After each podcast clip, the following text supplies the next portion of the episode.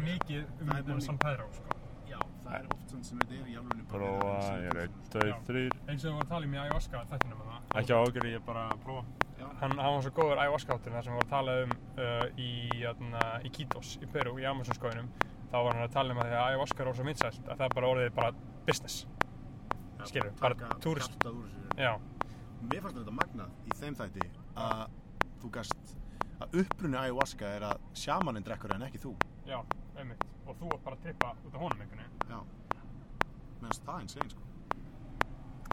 Með tveir, með tveimur hérna uh, annáluðum og nafntóðum sérfræðingum í uh, vímöðnumálum Það er svo geggjur sagan, sko, svona Hefur ekki söguna um businessgöri sem fer eitthvað í eitthvað ferðalag, þú veist, þetta er 1960-70, sko. fyrsti gaurinn sem talar um þetta í alveg blaðakræni Já. já, já, Eitthvað businessmaður. já hefur þú lesið How to Change Your Mind?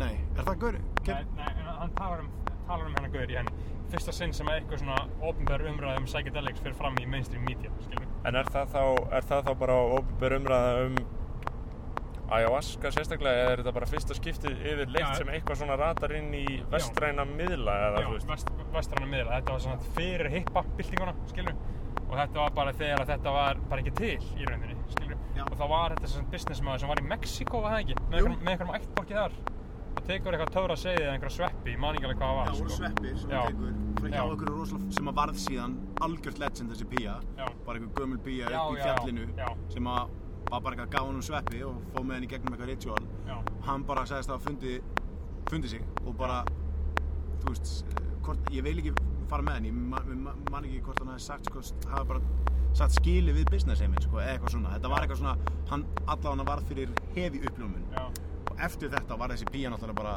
sveppakonan, sko. Fólk að fara þanga og prófa nýja, hluti sko. Þetta var í rauninni byrjunin, byrjunin á allri umræðu um eitthvað svona psychedelic. Þetta var svona 50s, sko. Já, þetta var 50s með, Já, já, ég held að þetta var eins og fyrir 60s sko. Já, Við erum inn í Ártúnsbrekkunni þessu stundina, við erum sérst að, að kera út bænum. Umferðin er svona nokkur bærileg. Það er sóladagur, ég vænti þess að, að nokkur hluti fólk sé enn í sumafríum þannig að það kannski hjálpar okkur í, í þessum efnum. Við ætlum að reyna að drífa okkur bara sem fyrst út úr bænum og ná að fara í Mosó og kaupa hvað, ég meina hvað er að fara að kaupa í Mosó? Uh, ég ætla að kaupa mér uh, hleðslu og kannski hérna túnfisksdós og kollab og þú veist, það er það sem ég langar í að borða núna, inn í mig núna, skiljum. Og síðan bara eitthvað skýr og eitthvað til leiga, eða ekki bara? Ég var að hugsa um líka að ég færi í þunglindistjús, uh, nöstari þunglindistjúsins í vinnbúðina. Kefti með smá bjór, uh, en þú Aron, hvað viltu kaupa þér í Mosó? Uh, Ég er spáðið að fara bara hérna og fá mig Boxmaster með hérna frönskum og, og Pepsi Max Svo ætlum ég að hérna fá dót líka Nei, ég fæði bara í Ég er cocktailsósu. banana núna Já, þetta var- Við vorum sérst að, að til þess að þú veist, ef, að- ef, að- ef, að- ef að svo fer að þetta verði ingangur einhvers þáttar. Bíddu, Er þetta að taka upp? Nei, nei, ég sé til. Þú ert að taka upp þú ert að taka upp. ég er að taka upp, Já, sko. já, já, já. Spurningin er hvort ég noti það. Menn við gætum alveg gert bara heldur góða þátt, alla bílferðina, sko. Já, já, ég, og mér heyrist gæðin vera bærileg, það, það vissulega er umhverfisljóð og auðvitað ber, Þú heyra það betur heldur eftir það ekki? Jú, en ég Þegar við stoppum bílinn, þá getum við spilað tilbaka ekki? Einmitt að það get ég hlusta á þetta án þess að vera sjálfur ennþá inn í umhverfisljóðunum, sko, Já, en ég held að, ég held að á sama tíma þá sé fólk alveg hrifið af því að það heyrist, uh, það heyrist svolítið að við séum á, á ferðinni, við erum hérna að nýta síðustu sumar dagana og við förum heitið þannig að það komi fram í dýrafjörð á e, það sem er sveitabær eh, sem heitir Núbur í raun og veru, þetta er mikið fornt mektarsetur það sem var alþýðu skóli löngum og, og grunnskóli og svo framveg þetta er, þú veist, þetta, já, það sem ég elska við hennar Mike er að, þú veist, hann náði þessu hljóði bara alveg feitt, þú veist, ég, ef ég reyna að ná þér bara alveg að drekka og taka sopa þá, þá næ ég því, ég, ég hef alltaf verið hrifin af svona uh, Það hljóð. er það sem ég er að drekka, það er náttúrulega já, hva, hvað er þetta að drekka? Leifum áhrundum bara að hlustandanum að ímynda sér bara hvað ég er að drekka. Bara ímynda þér uppáhalds drikkið þinn í dós. Ég er að drekka hann. Þá verður þessi ferð betri. Þá verður þetta ferðalag aðeins betra fyrir hlustandanum. Já, uh, ég, held að, ég held að mjög mikið af ógæslu hlustendunum myndi hugsa skilur Nokko. Eða Þú veist, þau vilji- myndi vilja vera opna sér nokko. Uh, Já. Er þetta nokko, Aron? Ef, við- getum útilokað það eða ekki? Er þetta nokko? Þetta er ekki orkudrykkur. Þetta er ekki orkudrykkur, þetta er samt í dós. Um, og er þetta svalandi? Er hann kaldur? Ískaldur. Ískaldur. Mjög svalandi. Uh, ok, en, en ég, ég velti líka fyrir mig hvort að í svona þætti, í svona ferðaþætti hvort það væri ekki réttast að það væri einhver svona góð umræðefni ef við getum farið í einhvern svona uh, þú veist svona ógeðslegan bílaleik eins og fólk er alltaf í, skilur Hvað, hvað eru Sveppi og Pétur Jóhann að gera í podcastinu sínu? Af því að það heitir beint í bílinn, ég hef ekki hlusta en ég hef heyrt að sagði mér einhver frá því. Mjög fyndið sko, að sagði mér einhver frá því að þeir var að taka podcast. Þeir hafa tekið upp heilum þátt og þeir hafa bara að fara að hlæja þeir nei, þeir, þeir, nei, sagt, þeir hafa tekið upp heilum þátt og þeir glemdi þetta á rekk og föttuðu það síðan 45 minútur setna þeir áttu að vera búin að taka upp þáttinn og þeir föttuðu það og fóru bara að hlæja með að við, að við munum eftir hvað gerðist þetta gerðist í okkur snorri Uh, við vorum að taka upp þátt og þú klúðraðir þínum hljóðfælum þegar þú varst út í Berlín og þú varst mjög nálægt í að ganga út á lestastöð og hoppa fyrir. Ég, ég, ég gat ekki ég gat ekki alveg séð húmórun í þessu strax. Það vissulega tók viss á, mjög langa tíma. Ég er núna lítið tilbaka og er næstu fann að geta brosa en við fannst að myndi sko. Hvaða þáttur var þetta? þetta var einhver skoðanabræði þáttur þar sem að við vorum bara tveir að spjalla saman en þetta búin að taka alveg einn og halvan tíma eða eitthvað sko og við náðum gett góðu sessjoni það var bara gett gott efni sem Já. við glötuðum skilur það er ekkert oft sem sem þarna, við förum að hlæja eða hvað þannig Það er ekki dótt sem við erum að hlæja. uh, við hlóðum mikið þegar þú komst til okkar í fyrsta Aron Já, já, alveg rétt. Hvað varum við að tala um þá? Þá varst, þá, þá varst ta þú að tala um að na, koma heim til skóla og fá samlöku og rúkaður Já, alveg rétt. Hérna, góðu gömlundagarnir. Fá sér í vörina og hérna, og setja bara annað hirnatólið yfir eirað. til þess að til þess að runga Takkar sér hann góða hérna. Halló? Já. líka, Halló? líka ég man alltaf þegar maður var lítill og maður var að tjekka þegar maður var búinn að segja eitthvað savage Já. og maður var að tjekka hvort fóreldar sinni hefði heyrt það og maður talaði í sömu hljómhæð þannig að það var eitthvað ég myndi segja við þau bara eitthvað, já, ég meina fucking farðu bara og rýta mömmu þinni og segja myndi eitthvað svona, á já, fuck, það er einhver að heyra og þá heyrir maður, skilur þá prófa maður, skilur í sömu tóna, Vi, veit ekki hvað er að tala um Mhm. pappi, mamma pappi, þú veist, maður tala í nákvæmlega Já, sömu já, já, tóna já, já, já, já, já, já, já, til þess að gá hvort þú muni heyra og svara þér. Já, já, já, já, já. Vá, ég tengi þetta líka. Í, í, í þessu sama voljúmi, skilur, þú mátt ekki En það sem ég var svolítið svo merkilegt á þessum tíma þegar maður var að fara, þú veist, ég átti alveg svona fráls, frálsleita mömmu og svona, henni var skýtsam, ég mátti alveg blóta og þú veist, ég átti GTA Vice City, þú veist, í þriðja fjólabæk og hún kemur inn, skilur, þetta er bara klassika mím sem all, alltaf er í gangi núna, bara svona, are you winning son? og maður er bara eitthvað, Já. maður er bara á okkur strippstað í Vice City að, Já. þú veist, skjóta alla í spað, bara, þú veist, mass murderers í einhverjum töluleik. Um, en svo er að, þú veist, svo, svo fór maður oft heim til bara vina sína, þar sem maður er strángara heimilsald, húsald, sko, og maður, svona, maður fann það alltaf þegar maður fór til ákveðna aðala, hvað maður, hvað einstaklinginni breyttust, nummer 1, 2 og 3, og hvað maður, það stífnaði allt upp einhvern veginn, svona. Og maður fann það stundum ef maður sagði eitthvað vitlaust, maður fljótur að finna svona hvar maður, hvað maður, hvar, þú veist, hvar hérna, hvað veginni lágu, sko. maður þurfti smá, sam, smá stund að láta eins og maður væri komin á jafn góðu heimili Já, einmitt. eða svona að vera aðeins meira proper Tók Eh, alltaf diskinn og fór með hann inn í eldús, gerði aldrei heima á mér, þannig sem að, ég vaska aldrei upp. ég man að sko ég ég man ekki hvernig það var hjá okkur bæki við fórum við með drastlið okkar inn í eldús eða Nei, það var mjög sko hart tekið á því að við höfum alltaf að skilja eftir dót inn í herbyggjunum okkur. Já. Það var bara mjög bannað að vera að borða inn í óttur að borða inn í eldhúsi. já, Og það var ma- alltaf alveg svífur ég fór Já, aldrei já, já, eftir maður því bara óhlýðnaðist aftur og aftur og aftur og aftur. Það var magn hvað maður var að svíða, sko. En voru þið einhvern tímann, þú veist, lentuð í að vera að borða, svo kemur ykkur snemma heim. Já, hlip með upp. Já, Já. 100% sko.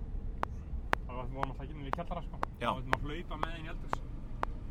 ég ég borðaði endalist inni hjá mér en, en ég hef mitt aðna Var það í húsinu, hérna, sem ég kom einu sinni heim til þín í, hérna, Á. Á Ringbrautinni. já Já, það er, það er uppeldis og segja Já. eitthvað.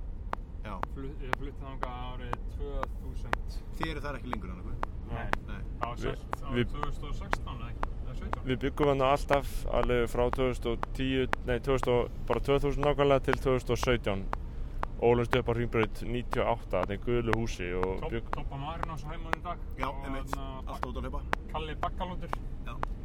Þau halda þessu niður annars, sko. Þú meina hérna, eh, sem sagt, bara rítari DFAFs, dagblæði vísins Já. Þetta á ég fara. hérna nei, fara áfram nú erum við sérst komin í Moselsbæ Smá umfrat hérna Já. Herru, segið mér eitt, segið þið hita pollur eða hita pottur þegar það er heitt úti eða þið sitið í skjóli og það er sólinni beitt í andlina á ykkur? ég myndi nota, þú veist, ég Ég, myndi, ég myndi nota korupt, sko. ég, ég myndi segja eitthvað svona hita kóf eða, eða að því að ég, þú veist, eru þetta bæði orð sem fólk deilir um? Já, það ég var að setja í stóri á þann hérna, ég hef alltaf sagt bara hita pollur bara svona, maður, maður finnur, þú veist, þú situr í einhverju skjóli þú situr á uh, einhverjum bar úti, skilur það, sól úti eða eitthvað og það er bara svona algjört logn. Og þú veist, ef þú ert í vindi þá er hitin kannski svona eins og segir á mælinum en þú ert þarna þá er kannski hitin 32 gráður af því að það er bara, þið líður þannig. Bara eins og komin í einhverju hitabilgju í Danmarku og þá segir maður oft svona heyrðu, já, er kýttið hérna á Pettersen maður það er algjör hitapollur hérna þar sem við sitjum eða þú veist, það er algjör hitapottur eða það er algjör Ég, það er eins og ég eigi orð yfir þetta en það kemur ekki. Ég hita, ég er en hita steikingapanna, þetta er algjör svona hita, hita kóf, þetta er svona steikingapottur, hita pottur. Þetta er algjör hita, suðupottur. Ég myndi, s- ég hallast aðeins svona suðupotti.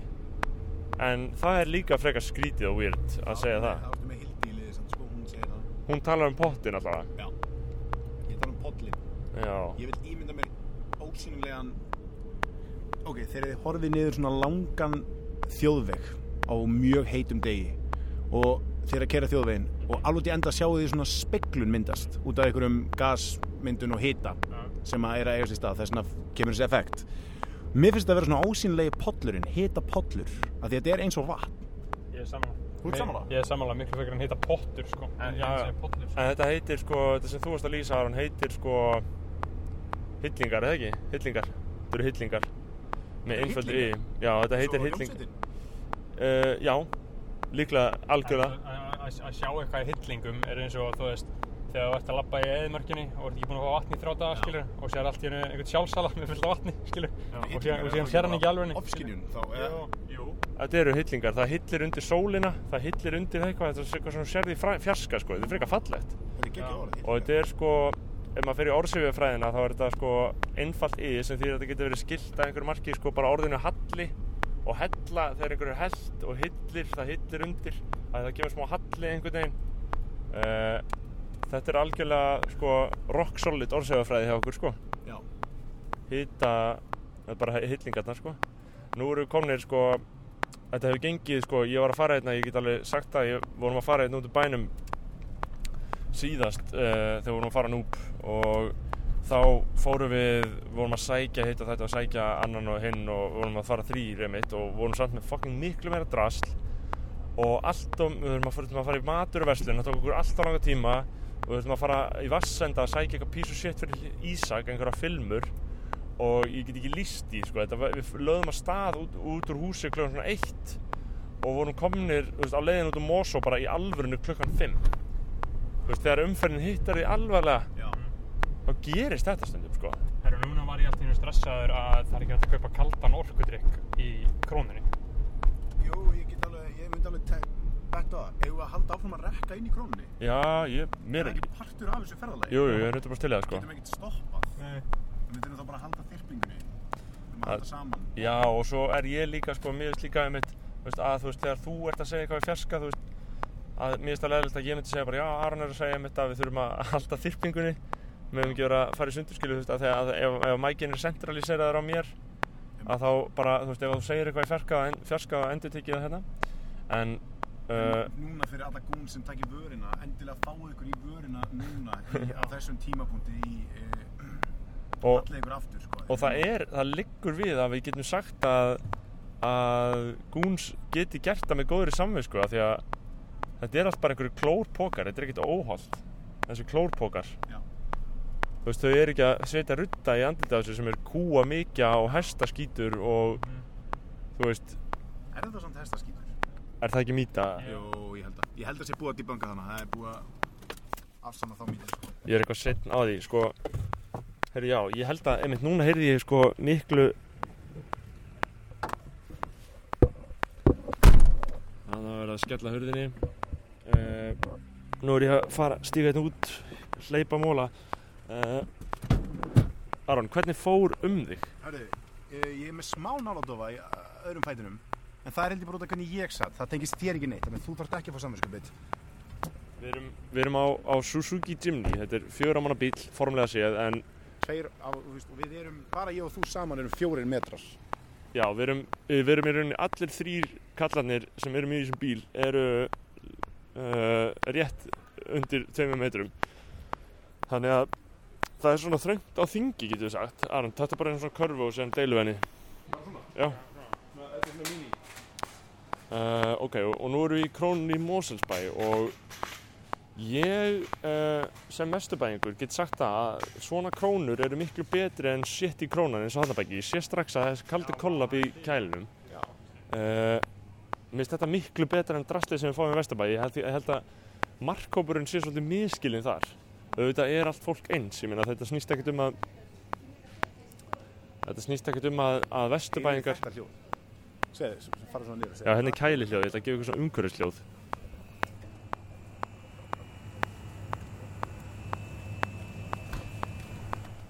Þetta var jarðabæra kælirinn.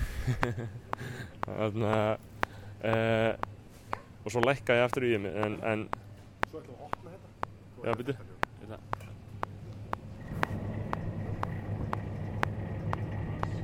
þetta er hljóðið inn í kælinum. Hljóðið í kollab. Já, þetta sko. þetta bi- biohacking. Biohacking Já.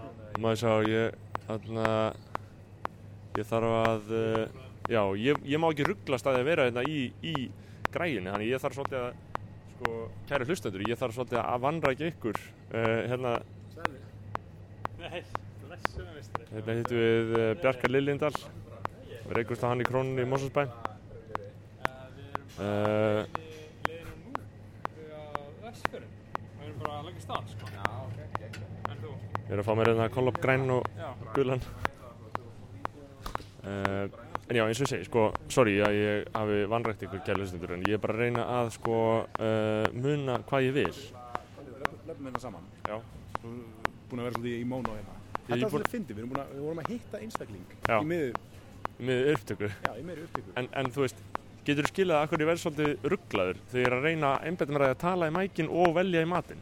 Já, af því að þú ert að reyna að tala í mækinn og meðan þú ert að velja matinn Þú þarfst að gera bara annarkvort Þannig að ég skal frekar, og meðan þú talar í mækinn þá er ég að fara á pælótin hérna Svo segi ég, þú veist, hér er eitthvað sem við getum kannski mögulega tekið með okkur Og síðan við á annan stað og þá segi ég aftur Hér er eitthvað sem við getum tekið með okkur Ver, ver, verkefnið sem blasir við er að velja bara, þú veist, eitthvað svona þannig að við getum verið sattir í dag. Já, hva, ok, seg, segjum bara, hva, hvað myndið þið langað að fá? Snakkpoka. Ok, snakkbúka Borðað þú þannig eða borðað hól? Ég reyna að borða holtinu, þú veist, ég borða alveg allt líka sko. Ég borða algjöran viðböð, ég get farið algjörlega í bara, þú veist, sorpið í breiðholtinu og bara getið það sem að ég finn þar sko. A- a- a- a- Svona, svona káma, nei svona gámakafari. Já, já, ég get í alvörunni, ég hef gert það mér þess að, ég hef farið í gáma og kafað eftir mat og ég hef borðað hann og meðast allt í læg. Og, og hvað var það, þú veist, var það, þú veist, skinka eða, þú veist, hvað varstu að, hvað tókstu gámi? Því ég er mikil, mikil áhuga á þessu. Uh, það er oftast ba- best að fara svona fyrir aftan búðir, maturubúðir, þá finnir oft kannski svona nýútrunnur jógúrt eða, eða kannski samlokur eða eitthvað svona. Æ, núna, núna þegar ég er að taka svona viðtalið um, skilur, káma, nei, gámakafara Já, og Eh. við erum hérna bara í krónni. í krónunni, þú veist, við erum hérna í miðri, miðri sko, miðum öfgunum, þú veist, það er framleitt svo mikið af mat og, og þetta er náttúrulega ekki allt í etið. En núna líður mér smá svona eins og ég sé einhver svona PC blaðmar á rúf sem er að tala við eitthvað svona hip, hippa sem er alltaf að kafa í gámum. Spyrja eitthvað svona, ok, og hvað getur þú fundið þarna? bara allt saman basically. En þeir eru oftast læstir þessi gámar sko. Þannig að ég er ekki eins og ég stundi þetta en ég hef gert þetta. Ég prófaði þetta. Um, en það er í alveg fólk á Íslandi sem bara stundar þetta bara grimt og bara gerir þetta daglega sko. Bara fer á hverju kvöldi og er með lásaklippur og allt bara til þess að klippa lásana af eru svo Það er svo metnaðarfullt. það er metnaðfullt það er bara algjörlega þetta er bara þú finnur ekki meira PC fólk fólk sem vill ekki mataspillingu og nýtir þessi bara til hins fyrir og bara fær frítt að geta Það er verðt að taka það fram að, að sko, í krónunni núna, þá uh, það hefur verið forstjóri, eða frangandastjóri krónunar sem er náttúrulega svona eins og að, bara æðsti, æðsti stjórnandi held ég fyrirtækisins. Var uh, Greta Maria, svona flott uh, tiltöla, held hann að þetta Greta Maria tiltöla ung kona svona uh, fersk og með einhverja svona áherslur og þótti verið að gera góða hluti hérna þannig séð en hún gafst upp og hætti hjá krónunni sko. Og hún er núna í einhverju svona matarsóunar uh, verkefni á vegum ríkisins og, eða ríkisins, allan einhverja samtaka og er svolítið að gera, gera það gott þar að því hún svona snýrist gegn þessu, ég veit ekki alveg hvort að það hafi verið eitthvað sérstaklega krónunni en síðan tekur við þarna Ásta S. Fjellsteð sem er sem sagt að, að þá að hætta í viðskiptaráði Hún var búin að vera í viðskiptaráði helsta lobby Vestlunumanna Ísland, á Íslandi uh, um ára bil og, og fer hérna beint yfir í krónuna. Þetta er skemmtilega samtengt. Allir ángar, kemur ángar atvinnlýsis en Aron, nú ert þú að skoða um, út að skoða teig. Það er uh, það er svona PC squad uh, það er vegan próteindrykkur. Hefur verið að drekka mikið af þessu? Já, mjölku verður að fara í klími en ég elska að borða ost. Þannig að ég held því hann þá áfram. Um, en þú veist, ég reyna að sleppa þú veist eins og hann er með hlæðslu þannig ég er alveg að reyna að checka þú veist. Þannig ég er að spá í núna hvort ég er að fá mér ég held ég fari bara í havra súklaði bara Er þetta gott? Ég hef smakkað þetta. þetta er ekkert spes. Nei, en, en þetta er bara svona þetta er líka, þú veist, 15 grunn prótín þetta er 33, sko, og kostar jafn mikið. það er svoleiðis. Já, skilur. ég, ég hef drukkið mjög mikið af hlæðslu ég hef drukkið mjög mikið af tegi og mér er stann fýtt sko. Uh, ef ég borðað skýr þá get ég ekki líka verið að borða þetta. En ég ætla að kaupa mér svona ógeðslega próteinbar Já. viðbjóð. Já, og snakk en hvað er að borða í kvöldmatt, þú veist, við þurfum stoppum bara leginn og kaupum okkur. en þú veist, verður það einhvern mann ánægilegt að já, já, kannski. Já, já, geta alveg verið. Við getum stoppað í búadal eða eitthvað. Já, Þú veist, Vi, ég, en þú veist alltaf því lengra sem þú kemur út á land því meira ertu bara komin í þú veist, ég, ég, ég var að kera þarna um daginn og það er í raun og veru, þú veist, þú ég veit ekki hvað þú sér fyrir þér, hvar við getum stoppað en það verður ekki gott, sko. Það verður aldrei gott það er rétt. Ég er alltaf bara, já, hérna, erum við vegan hambúrgara hvað er það? Þú veist, ég var alveg lendið því sko. Þarna- gefa þér vega hambúrgar. já, vega hambúrgara já, við erum með geggjaðan vega hambúrgara uh, en, baconbitar, pepperoni. En, en, þú veist, að því að en ég veit ekki, við getum alveg stoppað einhverstöður en ég meina, þú veist, það er þá pulsa. Ég segi og vinga það bara, sko. já, en, Hvað er annað að kaupa? Hér. en þú getur alveg kiftir bara samlokað þannig að þú getur bara borðað, skilur Já.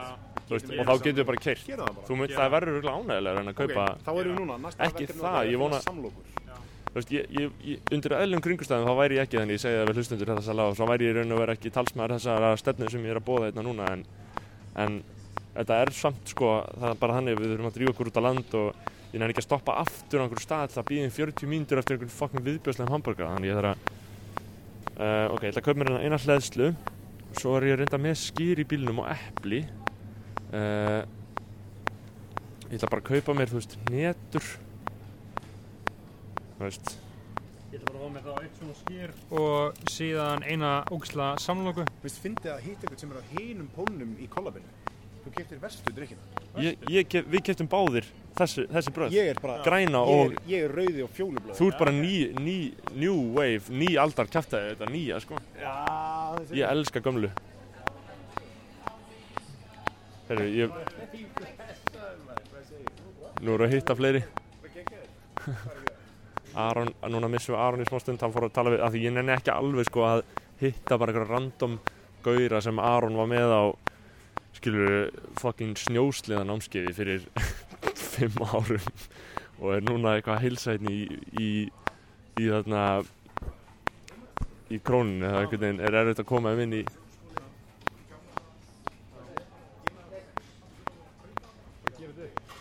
Þarna, ok, ég bókstala, ég get ekkert einbytnir að ég kaupa mér eitthvað, ég get ekki, ég er svo einbyttur að ég að tala við ykkur, byrju, ok, nú er þetta að labba einn og, um, og ég, fólk lítur svolítið hýru auga til mín, það er svona, hotnöga, getur við sagt hotnöga, já, kannski þeir, uh, þeir eru mikið í hotninu, en nú er ég að reyna að finna mér eitthvað, ég ætla að kaupa mér eitthvað svona brauðmeti, bara til að geta það, Uh, kannski gifla, þú veist, giflar eru mesta sumarbústað að keira upp í sveit. Drullu fucking æla sem ég veit um sem að treður upp í sig og líður illa allan tíman kleinur, þú veist, ég væri til í kleinur ef eitthvað væri, en þú veist, það er samt líka freka mikill fucking viðbjóður maður. Uh, ég veit líka ekki hvort þið, kæra hlustendur sé virkilega að vilja drepa ykkur að hlusta á þetta, en ég meina þið verður bara að, þú veist, að því að eins og segi, þið þurfum líka bara að býða í smástund á meðan ég klára verslunina. Og ef að þið viljið fá uh, alla, allan skalan af þeim tilfinningum sem felast í því að komast út úr borginni þá verður þið náttúrulega líka að fara í gegnum búðina. Og það gengur ekki bara að vera skemmtilegu tíminum þegar spjallið er skemmtilegt í bílnum. Skoðanabræður hafa alltaf verið með stefnu um að uh, uh, hér klippum við ekkert út. Við höfum sko aldrei klippt neitt efni út úr neinum þætti.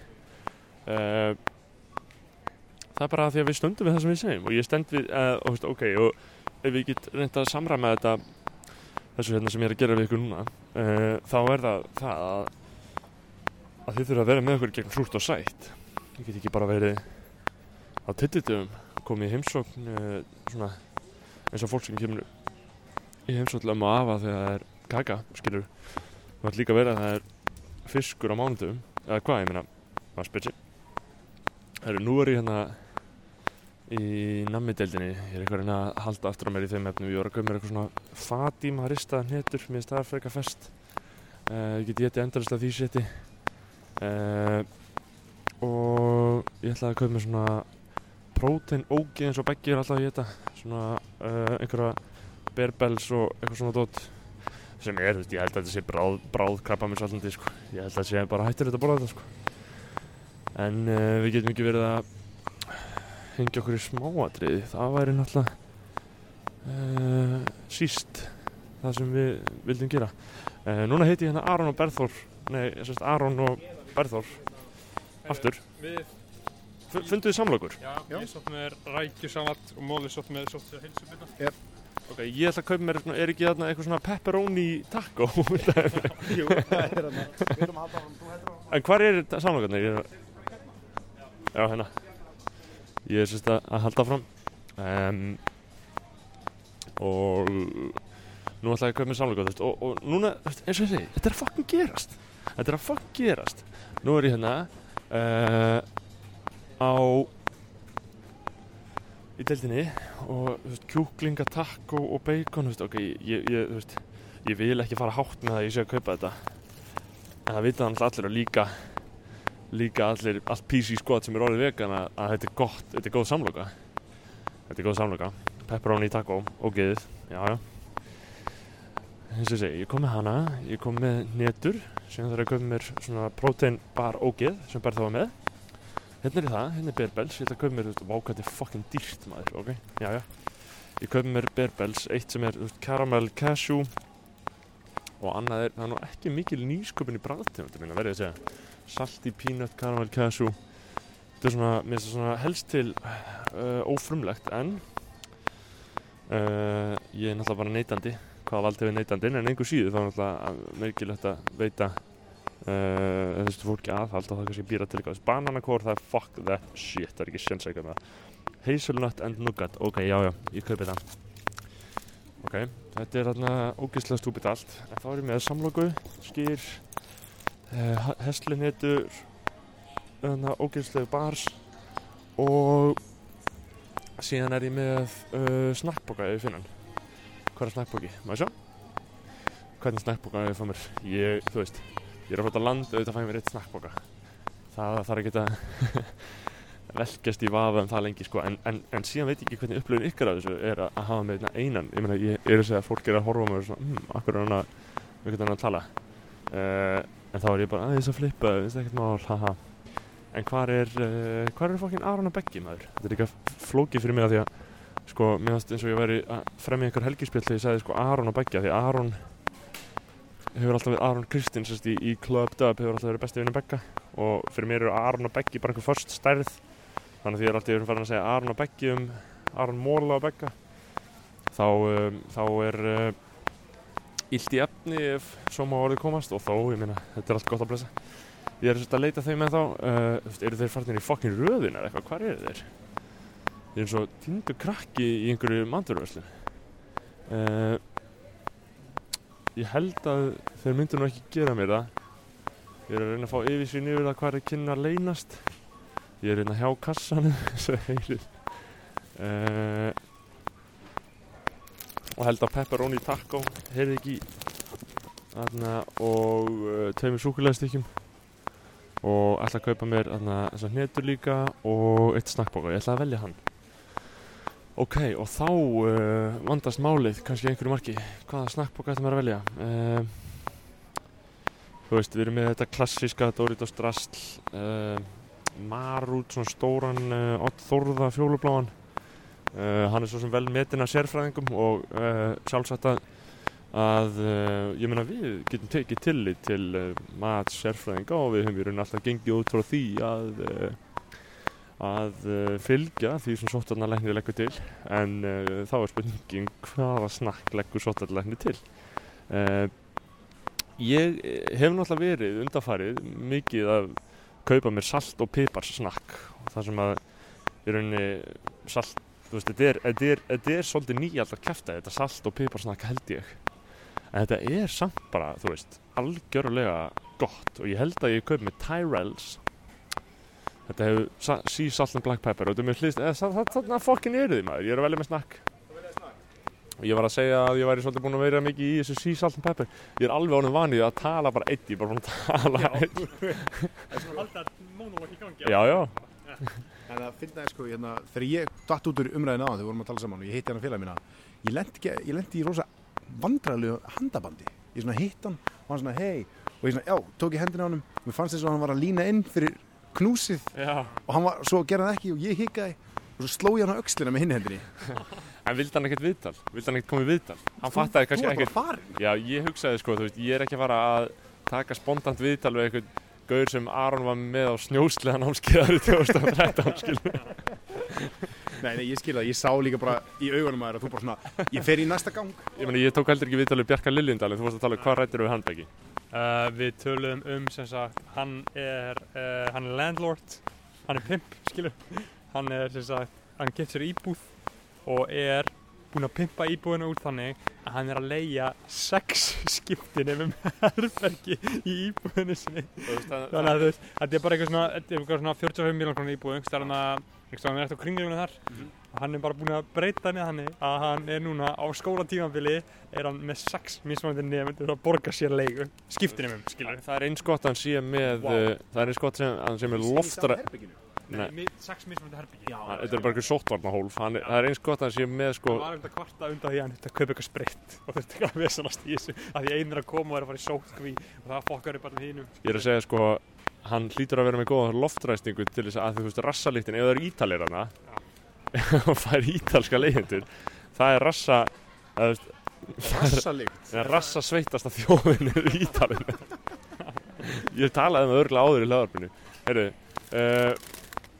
Sea Salt and Pepper, heyrðu þið þetta Það racist, þetta var bara svona cultural Það, er, er bara mjög fyndið sko, hvað er svona bandaríkjumenn, svona PC bandaríkjumenn, þeir gera ótrúlega mikið grín af ítalunum sko. Já. Og það er einhvern veginn, að þetta er Já. kannski fæðast það. já, já, þú veist, þeir, þeir eru Ég- bara ég er eitthvað alveg- eitthvað spaghetti meatball eitthvað ég ég, ég er alveg til í að taka það ef, ef, að- ef, að einhver, ef einhver kemur og segir bara ei, þetta er rasismi En ég held, ég mist, mist þetta miklu meira bara svona eitthvað kannski meginlandi að tókast á um einhver atriði, sko, ok, núna. Ég veit Sko, ég kefti, ég kefti mér tvær svona ógæslega bars, ég kefti mér eitt snakkboka, ég meina samleiku, jú, það, það er ekkert óskennilegt að, þarna, um, það er ekkert óskennilegt að þetta í huga að, að nammi sé leiðin.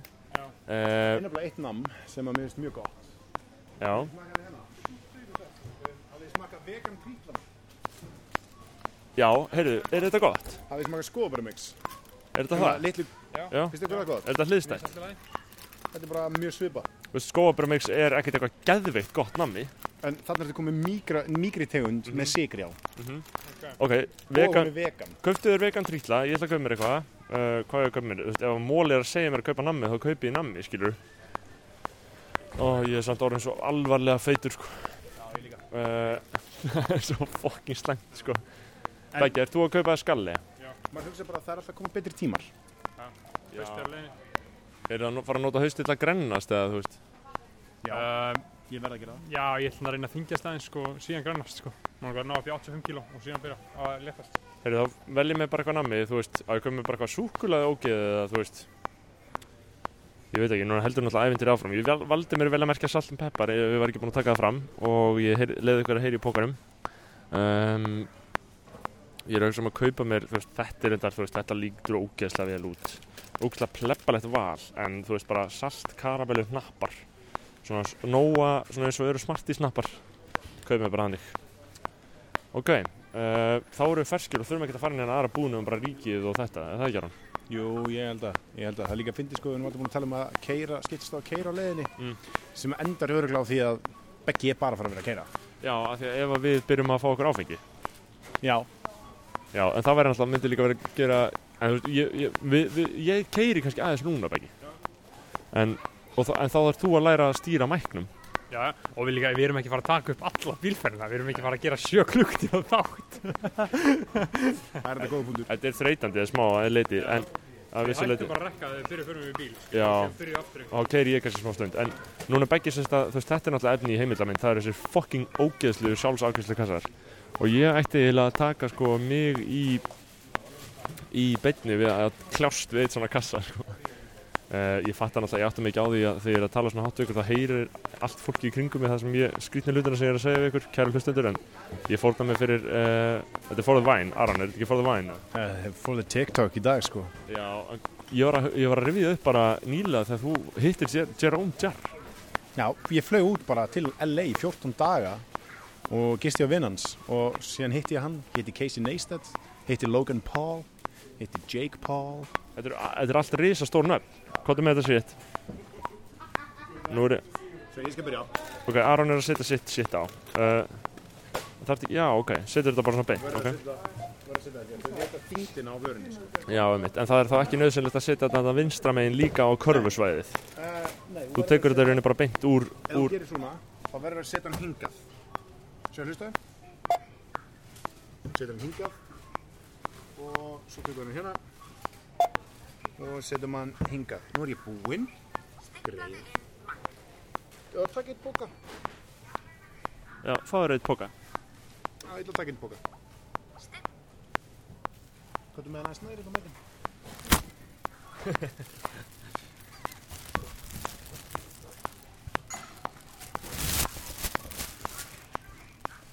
Hvað er með það?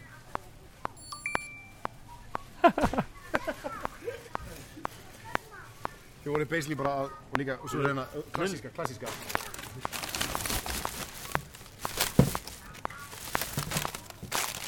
Þetta hljóma svo skrist, sko. Nú koma mér, ok, nú ætla ég bara að sóloa þetta hérna.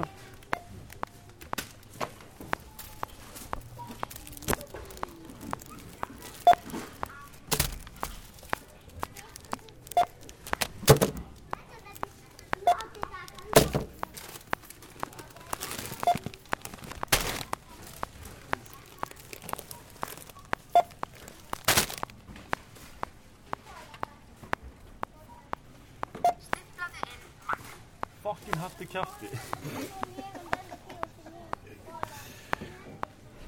Nú er uh, uh, Snorri að klára sig hérna. Uh, þú voru ekki að greiða þetta nýri. Ég held að fá um bóka, já. Ég tek bara eitt. Þú kefst maður þegar nóga penning. Það er ykkur sem er að vinna í krónun er að hlusta bara skur stála minnum bóka.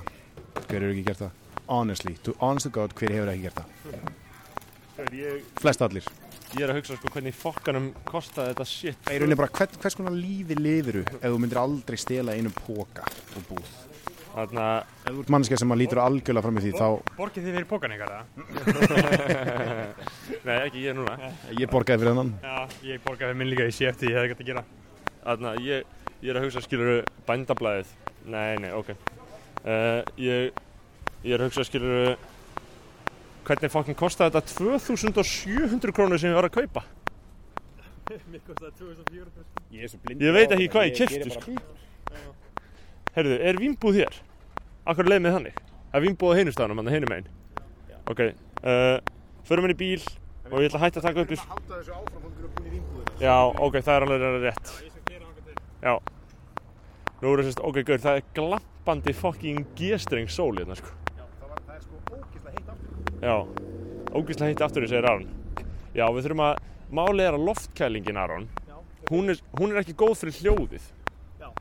Þannig að þú þarft að stikna fyrir sakir.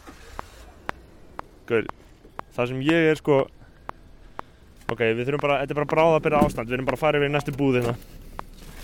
Það sem, það sem, það sem ég er sko mesti sökkarinn fyrir í þessari upptöku eru öll umhverfisljóðin sko.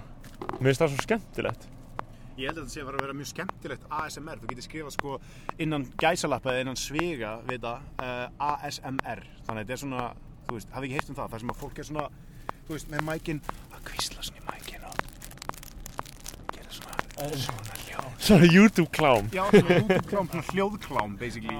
Ói, gaur, það er ógeðslega sem og þetta er ógeðslega vinsælt Já, það sem að fólk er að Ég held í alveg að þið geti, Það þið geti kassa vel inn á einu þannig þetta. Það var svo ógstlega gott sem að hann uh, Ágúst Eli gerði þegar við vorum að sína 12.0 þátt í, í Kringlubíu. Já. Þetta var þegar, að, uh, við, þegar 12.0 sleit sig frá nefndafélaginu, fór sjálfstætt og við þarna síndum uh, þátt í Kringlubíu. Hann allir fóru bara í hátíðisleginu sinu frá Vestló yfir í þessu.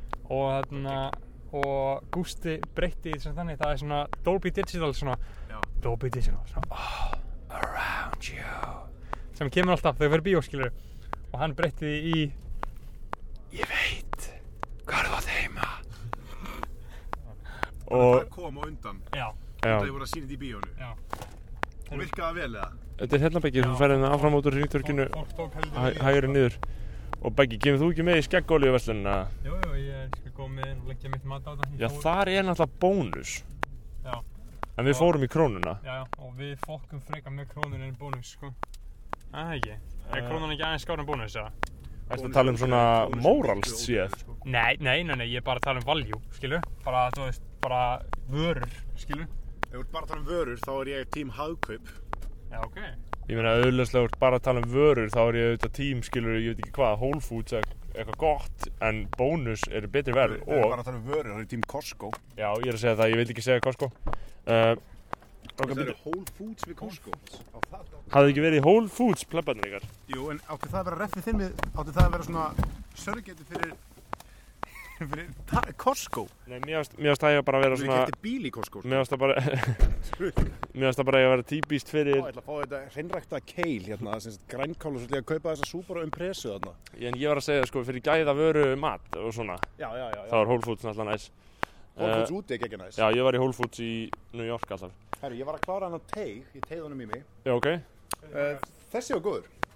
Súkulagi, bara veljum bara súkulagibröð með havra. Þetta er gert með Ég get ekki sagt að þetta sé gert úr skilur píkun á dýrinu af því að skilur auðvitað kemur þetta ekki úr dýri en ég hef sagt að, að umf sé gert úr píkuna, píkunni á dýrinu en ég get ekki sagt að hann teig þú veist hvaða líkamsluti úr dýri er teigur Aron Þú veist ekki hversu oft ég hef lent í vandræðilegum augnaráðum þegar ég segi þetta uppátt. Já, hvað? Þetta með þessi píkun á dýrinu? Já. Því ég hef oft hemmt eftir mér, svo fyndið þú sagðir þetta eitthvað tímann og ég hemmt eftir þér. Já. Og ég hef gert það á svona ofnveru stöðum og svona. Og þá horfir fólk ofta á mig bara eins og ég sé alveg bara ógeðslega un-PC og ógeðslega skrítin og per, pervert, pervertískur. Ég hef sagt það Ég hef sagt það. það hljóð hérna inni, það er Já, rosa mikið hljóð. er ágæð, þetta er ákveðin hljóðvist ég hef sagt það að Bæki er að taka þetta upp, það er geðið Ég, hef sagt það að sko, ég sé enga mun á því til dæmis að ég meina hvort er siðferðislega réttlætanlegt að þarna, hvort er er siðferðislega réttlætanlegra að annars vegar uh, borða dýr eða hins vegar láta sultu á bíkunaðina og lefa hundurinn að sleikja Vá. Hvort er siðferðislega réttara? Er ég að velja einn hlut. af því að þú veist hvort er það Jakob, þetta er brandarnas Jakobs Byrgis sem hann reynda kannast ekki við og segir, segir ég hafi fundið upp Ok, ég, ef ég á að velja eitt. ég meina að því að raunverulega Beggi Já, ég meina, hvort viltu kynferðslega misnóta dýri eða drepa og hvort er verið að drepa eða kynferðslega misnóta þetta er bara stóra spurningar sem við í samfélaginu þurfum að svara að því Það er ég að svara hérna inn í ríkinu, í vimbúðinu. Veist, að, að, því- að, því, að því að þú hugsaður út í það ég meina hundurinn er miklu frekar að fara að ganga sáttu frá borði eftir sultu episode Ég held að hans í alvegni bara gerir ekki greinamun á píku eða handaba handabaki, sko. en hann, en hann veit alls ekki en, en eitt, eitt vitum við eitt vitum við að eina sem hundur vill er að lifa þannig að þú veist, ef þú myndir drepa hann þá væri það náttúrulega verra. Já, ég myndi væntalega alltaf kjósa hinn kostin, sko. sultuna Já, þú veist, ef ég ætti að velja, það var einhver takki, bara sorry, I had to do it, hey, hey Dougie, you owe me one, sko. Þetta hundur er að gera þetta. Uh, Ok, Aron Móla hvetur til kynferðisofbeldis á dýrum. Hann að uh, Animalismi. Uh, Herðu, uh, við erum ekkert að fara að kaupa neitt rauðvín eitthvað, Við erum bara að kaupa ógeðslega mikið bjóra. Þannig að, sko Aron, síðast þegar við fórum á Núb þá kefti ég bjór fyrir, þú veist, 13 skall og ég hef bara ekki séð krónu af því. Það er engin borga með tilbaka fyrir bjór. Nei, bara Kjartan Reynsson Ég bara tapaði Ég held að hann væri bara að sjá um þetta hérna okkar maður JP. Þannig að, þannig að ég, ég er í feitu mínu síðan þá, skilur Það er bara minnsta mál, kútur minn, ég hef nóg til maður, ég skal bara leggja inn á þig. en, en við þurfum bara, við þurfum bara, þú veist, ég er að segja Við þurfum bara að kaupa, Bjóri fyrir þig núna? já, við kaupum kannski smá fyrir mig nú En, já, ég er að segja, þú veist, það er líka ríkja Bjór. Það er líka ríkja í Ísafirði. Kaupum bara, þú veist, kaupum tvær rútur af góðum bjór. Túbor Classic uh, Slots, nei ekki Slots, það er versti bjór sem við veitum A- Engi móðgumbeggi, þú varst með þetta í ammælinu En Viking Light, það er besti bjór. Uh, Jú, ég meina Ef þú ég- myndir hugsa fýtt bjór, hvað myndir þú fá þér? Fýtt bjór, bríó, mér finnst bríó geggjaður. Því hann er svona smá líka fýtt síður bríó, geggjaður sitt en þetta er samt viðbjór, ég vil ekki drekka eitthvað ógislega mikið bjór þannig endilega sko. Eða þú veist, segi núna en blanche. Já, kauptu bara, þú veist, kaupum bara smá bjór og síðan bara kaupi bjór, fólk bjór af okkur skilur, ef það vill Aron, Ef við erum að fara í business, þá bara kaupum við. Já, en ég nenni heldur ekki að kaupa ég ætla bara að kaupa, ég held að það sé besta Kassi í bílnum. Ég enda alltaf með þetta. já, ég, ég, gaur, ég, ég held að við ættum að taka bara mínumalismann á þetta, ég ætla bara að kaupa mér kippa bríó og kassa á light og það er bara það sem ég er búin að kaupa mér, skilur Og, og síðan bara að kaupa meira á Ísafirði. Já. Sko. tökum við þetta bara og förum út í bíl og kerum að stað sko. Já. ég ætla bara að kaupa mér, þú veist, bara hófstilt kassa Fólkst þetta 16 bjóra. 18 bjóra. Ég ætla bara að kaupa mér hófstiltan þarna, fjó, sérst, tíu light bjóra litla og sex síða bríó og Aron Móla er að velja sér Ég er að spója að fara einhvern létt bjór, bara eitthvað svona að vera viðbjóðslugur. fá þér eitthvað svona light Yuzu Lime Ég var heldur mikið í þessum hérna sumar ölinu sko. Það voru dimmi tímar maður. mér finnst það mjög vondur Já, ég man, ég er mjög það góður. Viking light passar, þetta hljómar, þetta hljómar alltaf eins og gimmick sko Sko, Já, ég, þetta hljómar eins og eitthvað en þetta er sko órans hérna líka. Þetta er eitthvað svona, ég myndi taka þessa tvo bara til þess að geta smakka á, satt ég sé búin að smakka á. Já. Fattiði mig. En Yuzu Lime, hafi smakkað þetta? nei, Er þetta En- kollab með okkur mönnum eða? með Júsú, ég bara þekki það ekki. Ég held að það sé bara eitthvað menninganám á þeim sko. Ég held að það sé ekki eitthvað kollab sko. En ég er náttúrulega lent í því sko, að þegar á tvítur þá held ég stort ammali og þarna fekk ógeðslega mikið og læfakaði það sem að hlustendur kannski ungi gúns geta tekið til sín sko, að þú farið fullt af vínflöskum og svona kjæft að gefin sér sem þegar maður á ammali, það er eitthvað svona shit. Þá þarna á, á fólk til að gefa mann einhver flöskur og fólk veit ekki að þú getur komið í ríkið og skila og það ekki innegn Þú getur það. þú getur skila hverju sem er. Þú getur bara farið skila bara hvaða áfengi sem er. Ef það er óopið þá getur þú komið í ríki og skila og fengið innegn og ég gerði þetta og lifði allt sumarið á slottsum út af því að ég, maður gæti kett svo mikið af slotts fyrir allar flöskunar Herri Gaur, reyndar stóri, stóri maðurinn sem ég er, ég er að horfa hérna Guinness Ég var eitthvað að fá mig fucking Guinness Verði ég að drefa mig ef ég fæ mig Guinness eða? Hvað er þetta? Ég skil ekki, ég er bara lomsa. Þetta var það sem við drukkum síðast, eða ekki? Við drukkum lomsuna síðast. What the hell? Ég hef ekki snert þetta sitt maður Gaur, þetta köp mér kassa Guinness þessu merkisamt, þannig að í dósinni sem getum við það, það voru svona lomsukassar. Ég veit ekki Aron er að lenda í mækdæminu núna veist, þegar mækin er nála, það er erfitt að gera shit, ég er að upplifa það ég er að prófa eitt svona hunangspjór ég... ok, en alltaf ekki að kaupa meira þrjá lilla brættegunda bjóra og eitthvað hunangspjór, takta eitthvað eitt svona stokk, eh, nema á ætli kannski ekki að drekka mikið, ég veit ekki, Aron er að fara með að leita einhverju, ég ætla að fara til hans. Og ég ætla að hjálpa hann að velja en hann stella 8-2 þetta er náttúrulega stella 8-2 stella tvo. Ok, og þá er það bara góður, þá er það bara Í öllu falli þá förum við bara í Ísafjörð, á Ísafjörð eða það sem ég kalla nú Skutulsfjarðareyri og uh, klárum málið þar Herri, ég skal byrja Svo ég skal bara kaupa þennan hérna. Og kaupa Guinnessinn líka. Nei, nei, nei, nei, nei, nei, þetta er flott svona Þetta er bara mjög Aron er að, þetta er heiðalegt Aron. Aron er að sko borga mér gamla skuld sem ég hafði nú ekkert sem ég hafði nú ekkert alltaf að, að innhynda sko. Uh. Aron tekur ekki kvittun, hann vil gleyma sem skjótast. Já þau verða afsakað ég er að taka upp fyrir heimilda þátt uh, Rannsóknarvinna. Þetta er um bara Þetta heitir skoðanabræður, þið getið googlað þetta verður á netinu bara einhvern mann Já, 4190 Svo getið líka sýndir ráræna aukurskýrtinu mitt ef þú vill Nei, það, það er líka bara fengt svona. Ef við ekki spyrum um skildi ekki. Uh, Takk hérlega. Takk hérlega. Byttu beggi, næður að taka hvað, ég er með mækin. Ok, ég tek einsinn og ég tek bríðan Takk, takk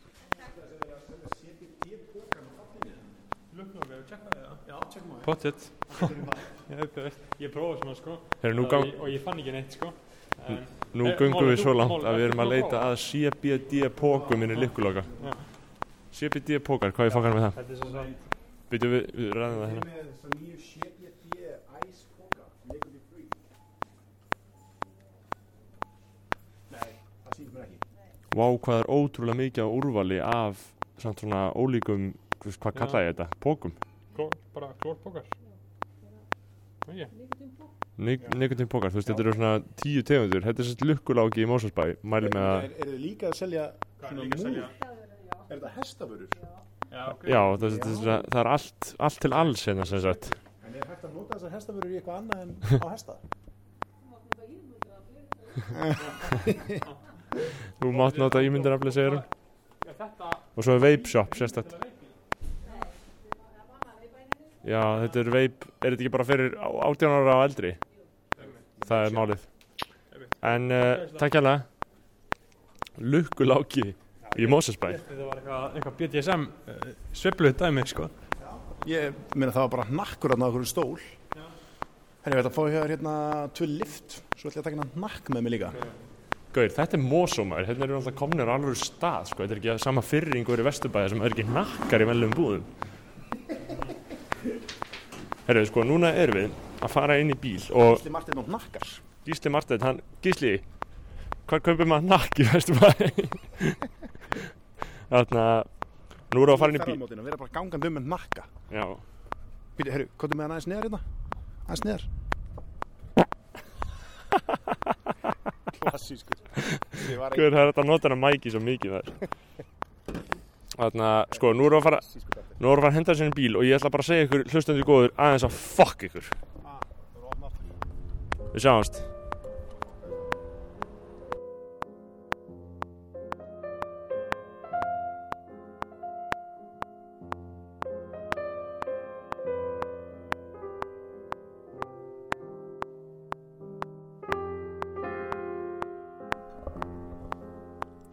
Nokkrum klukkutundum síðar held ég. Uh, við bæjum bakka í, í dýrafyrði. Við erum komin í dýrafyrð. Aron Móla, Aron Már stendur með lim, uh, getnaðlim út reittan. Uh, er, ertu búin að tegja úr þér eftir bílferðina? Nei, ég ætla ekki eftir, ég er búin að pissa. Ok. Býti, býti, getur þú pissað? Já, býti, eitt fyrir að...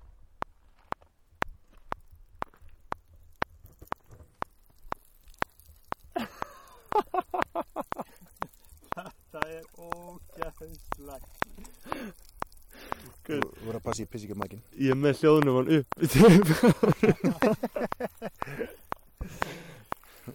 Horfið á þáttinu á YouTube.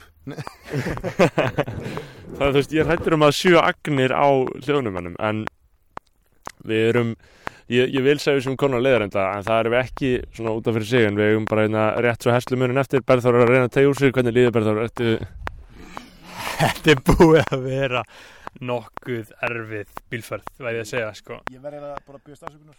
Uh, svona fyrirfram að því ég valdi þessa leið. Þið voru allir báðir hérna, tökum norðleðina.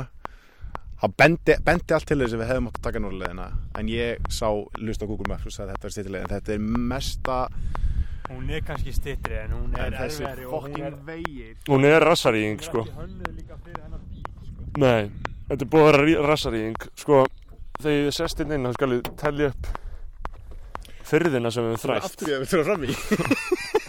Herru, verð þú bara aftur, ekkert mál Takk það á mig uh, Takk á mig í svona fjóruða skipti Fyndi hvað ég er aldrei búinn að fá að keira bílinn Það er eitthvað vantraust. Það er einhvers Alltaf ég segja, og ég vil keira Kemur löng þögn, ég horfið á hvern annan. Ég get alveg keirt, sko. Mann líður best um að keiri sko. Bækja, ekki keira af stað strax Alveg, en passa handbrásuna Já, ekki, ekki keira alveg strax á stað Því að það er eitt sem við eigum eftir ógert. Já, hvað? og það er stór síður bríó. Þú sagði það. Já.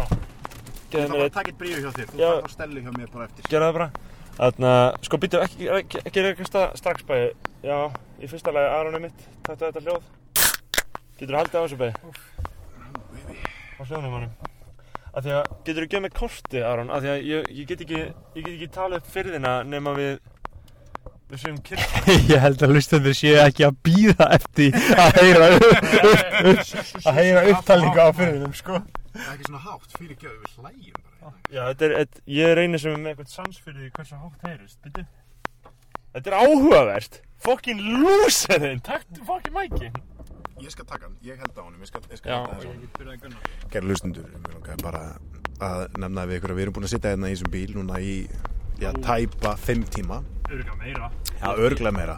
Ég get ekki, ég, Aron, Já. fattu með mækinu þess, eða halda hann svona bara. Ég get ekki talið þetta upp ef við erum á ferð. Þá verðum við flöggurt, sko það- bara Google Maps til að finna þetta. Þetta eru, Við ykkur um að stoppa bílinn svo við getum talið upp á ferð? Nei, ég var að byggja ykkur út að sá bílinn Þannig að ég get gert það kyrstæðis Og núna er ruðningurum byrjaðir já Já, ég skal tellja þetta, ég get ekki hótt og Já, þú veist, þetta er alltaf að Þetta er ekki flóki, ég ætla bara að tellja á fyrði, hvað er með þetta? Ég- Nei, þetta er, þetta er Já,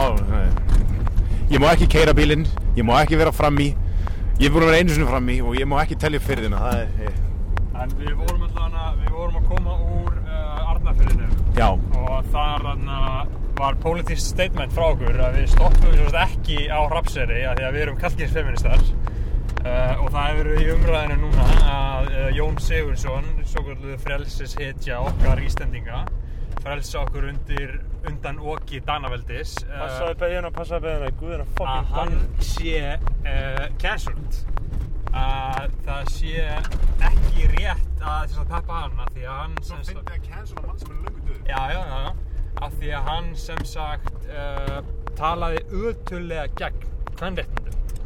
Var sko ekki bara hlutlaus eins og uh, kannski einhverjur fleiri gamli svona kallar sjónur hafa verið. Heldur var hann baráttumadur gegn feminismanum.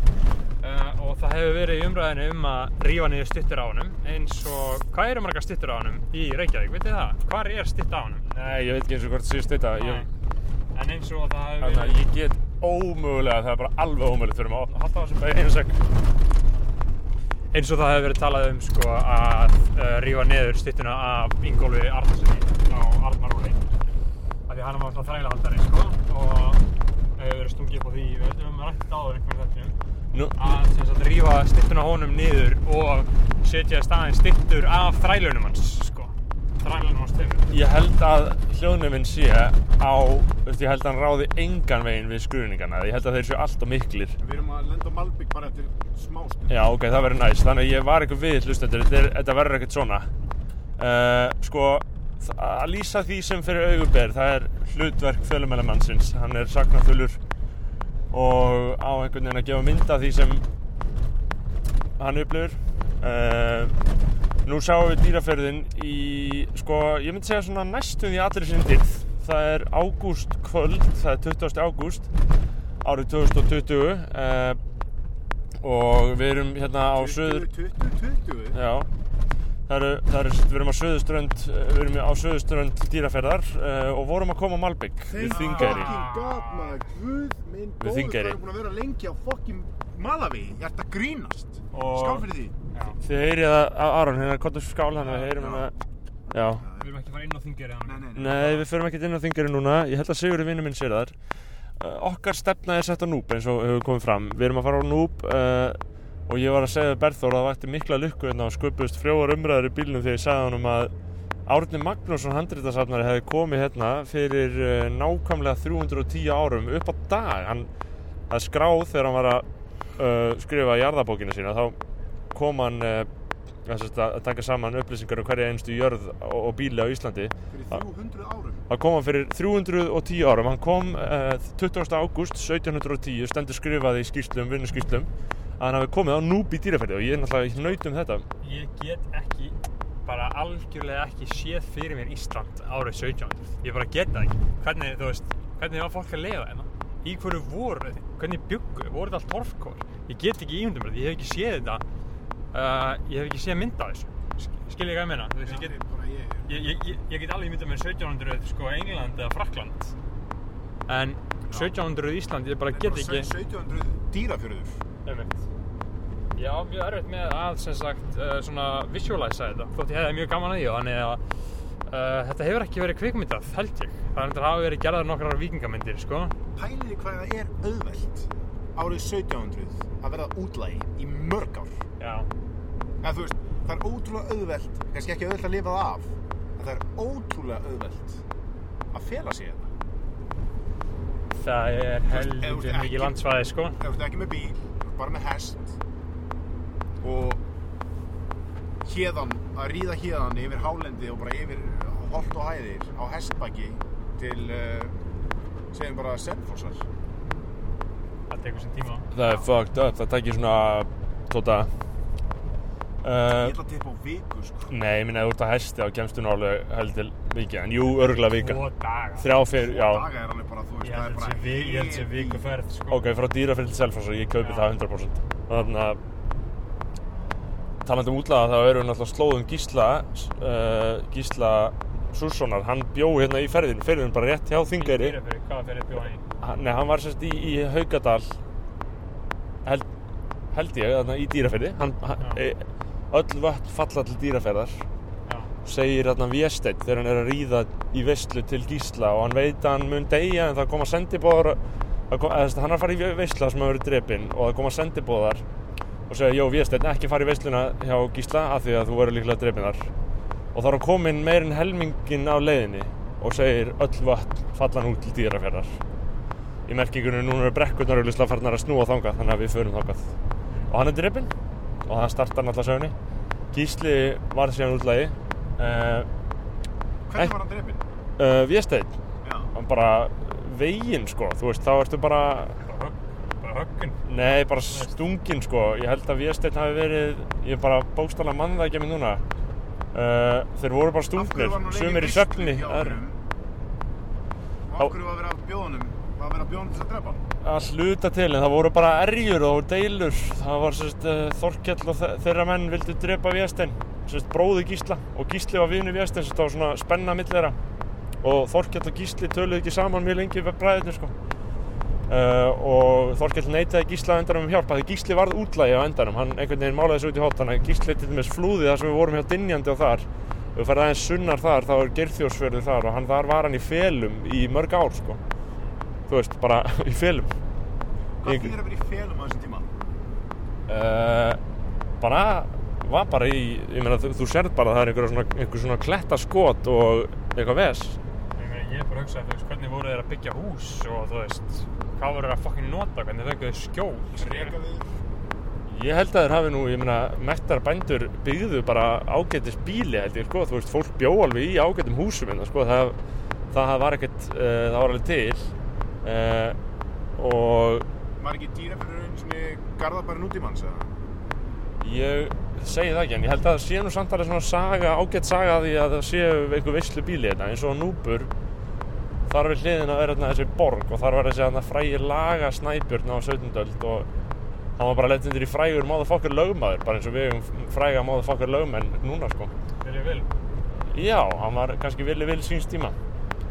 Sko, en við erum sérst að keira hérna núna og við erum, við erum búin að þræða fyrir þína.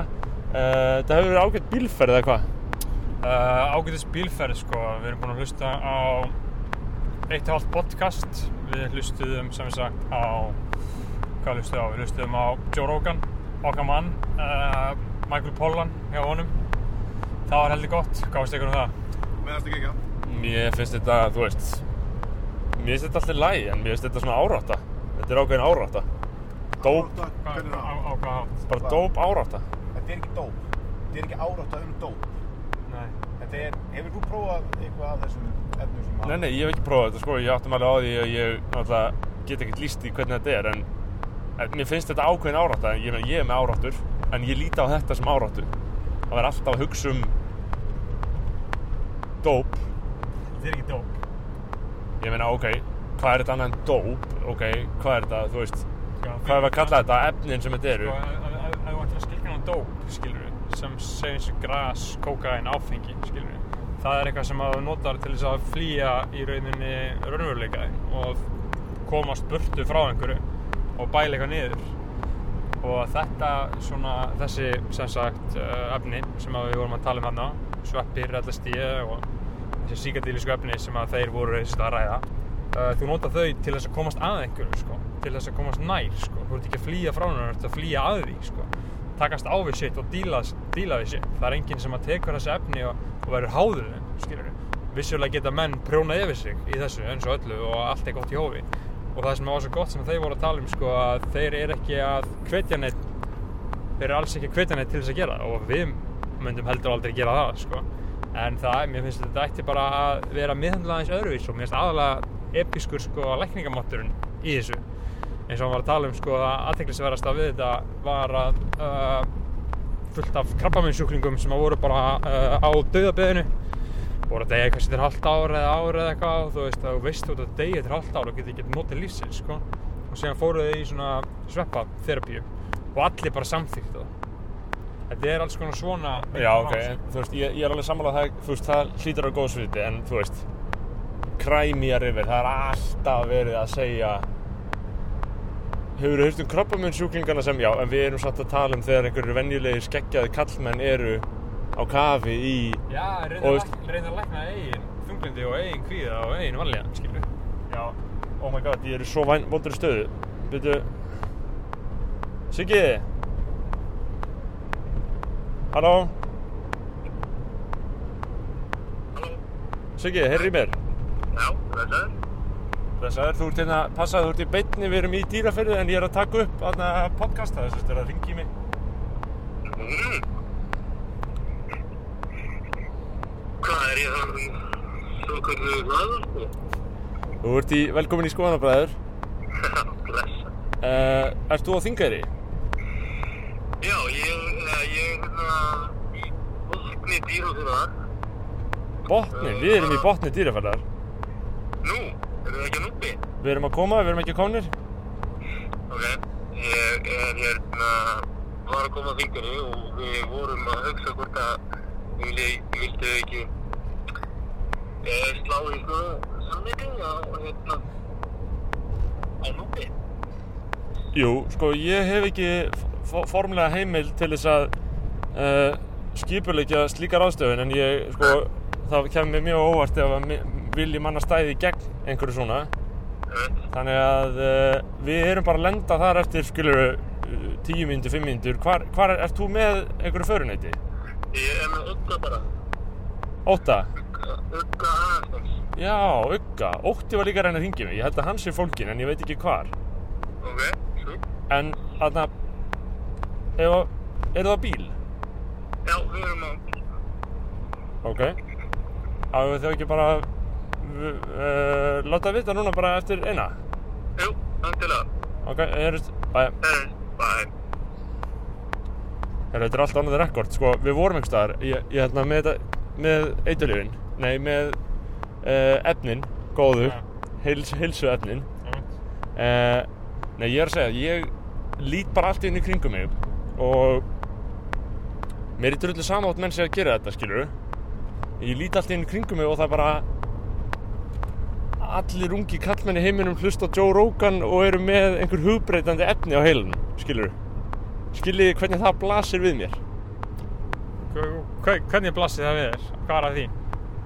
það er bara hlægilegt Á hvaða leiti? Á hvaða leiti, einmitt það er bara hlægilegt ég meina Það að langaði að bara að halda við bara núverandi ástandi skilur það sem ungi kallmenn eru bara að fucking velta sér upp úr eigin þunglindi og drepa sjálf sig sko ég, þeir eru þannig að það geta eitthvað endilega upp til hópa en ég er almennt séð, jú, jú, kallar eru svolítið í því. Já, já, en ég efast samt um að Joe Rogan sé að hjálpa þeim út úr þessu.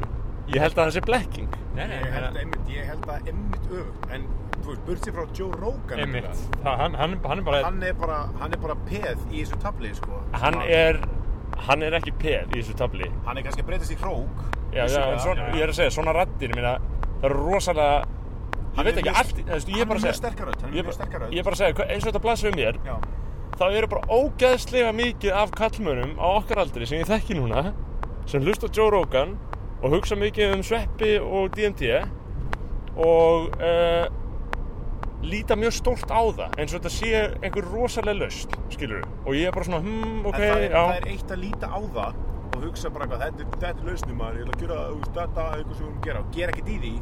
Svo er, en þú veist, það eru þessi advocates frekar sem að sko ef þú hefur upplifað eitthvað segjum til dæmis bara, ef þú hefur upplifað uh, bara tökum bara besta dæmi einmitt, þunglindi eða tráma eða vanlíðan eða eitthvað, sko, eitthvað konar hlut sem þú sem er ekki áþreifanlegur en, en er aðna til staðar hjá einstaklingum um, þú fer til sálfræðings og getur talað við hann um þetta og þú getur komist að ákveðnum niðurstöðum og getur komist að ákveðnum uh, lausn að vandanum í samráði við sálfræðingin yfir einhvern mjög langan tíma jafnvel sem þú ert að díla við ástvinamissi eða þú ert að díla við uh, já, bara þunglindi frá því þú mannst eftir þér. Þú veist, þú hefur aldrei vitað neitt annað. Vantar serotonin efni í þér eða eitthvað, ég veit það ekki. Það bara en að fara til sálfræðings þá getur þú kannski fundið lausnina en á hvað löngum tíma það veit enginn, það fer eftir einstakling það fer eftir manneskjum og segjum sér svo að þú farir í ákveður að taka þér að fara í svona uh, svona ceremoníu eða retreat eða hvað sem þú vilt kalla þetta meðferð eða eitthvað svoleiðis uh, þar sem þú tekur inn uh, sagt hugbreyndi efni sem eru þá ayahuasca eða sem sagt DMT, LSD eða hérna eða sveppir, silosipin undir miklum sem sagt hérna undir forsjá aðala sem að eru þá að passa upp á þig. Þessi efni og bara undan tekníkarlaust undir, undir réttu kringustæðum og ég vil eiginlega bara segja í 100% tilvika þá ertu að fara að fá eitthvað tilbaka. Af því að þessi efni í rauninni, þú ert ekki að taka þessi efni til þess að fara niður í bæ á prikið djamma við góða tónlist eða borða góðan mat þú ert ekki fara að taka þessi efni og ríða kærustunina því það er svo gett gott þegar þú tekur þessi efni. Það er ekki þannig. Þú ert bóstalega að opna sálina basically bara það sem við mann, manneskinn er búin að búa til sem sál þína persónu þinn bara þinn persónulegasta banka opnar upp og bara gátt. Það bara flæðir úr honum og þú ert að flokka og skipulegja bókasafnið sjálfa þig algjörlega upp og nýtt. Já, já, já, algjörlega. Ég, þú veist, ég er alls ekkert að móti þessu. Þú ert ekki á móti þessu nei. ég er alls ekki að móti þessu. En? En? En hvað? ég er svona ég hugsa svona, mm, já ok þú veist, begge við beigð til vinstrir stopp, stopp, stopp, þú veist, þarna þið hljótið að skilja að maður hugsa að ég hugsi á einhverjum tímabóti að þetta er svolítið hlægilegt system sem er inn í gangi. Já. Og árátta. ég, sko, ég skil held ég hvaða hva, hvert þú ert að reyna hva, hvaðan þú ert að koma með að þessu sko. þú Þú veist, ég, er, er, mun potið á einhverjum tímabóti prófa eitthvað svona shit, algjörlega, skilurðu. algjörlega, en á Þannig að- þessum punkti akkurat núna þá er þetta bara smá ignorance að því leiti að þú hefur ekki prófað þetta hefur ekki kynnt, eða veist, Já, það ég, sem þú veist um þetta er, er, er, er ég veit ekki neitt og þetta er allt, þetta þetta allt fáfræði, sko. En það er kannski líka bara svona, þetta er bara vörd, skilur maður bara gerir grína þessu stæðan fyrir að reyna að nenn að kynna sér þetta. eins En og okkar maður Ingo Viðugu orðaði svo vel í podcastinu og svona tegva hva, hvað? að flegi öllu bara upp í grín þegar óringin kemur, kemur inn maður sem setja í bóks. Það er auðvitað það, sko. En þú veist, samt, ég held að, ég held að eftir á að hyggja þá, þá verði kannski, þá muni ég kannski að einhverju leiti hluta til að hafa rétt fyrir mig með að þetta sé svona smá, Sko, ef ég ætla að kjarna þetta bara í mjög einföldu og basic máli, þá er þetta bara all, eitthvað sem að allir þurfa að fara ótrúlega, gífurlega, varlega í. já, 100% Ég Bara, bara fara með bara mestu varkárni sem hætti er í.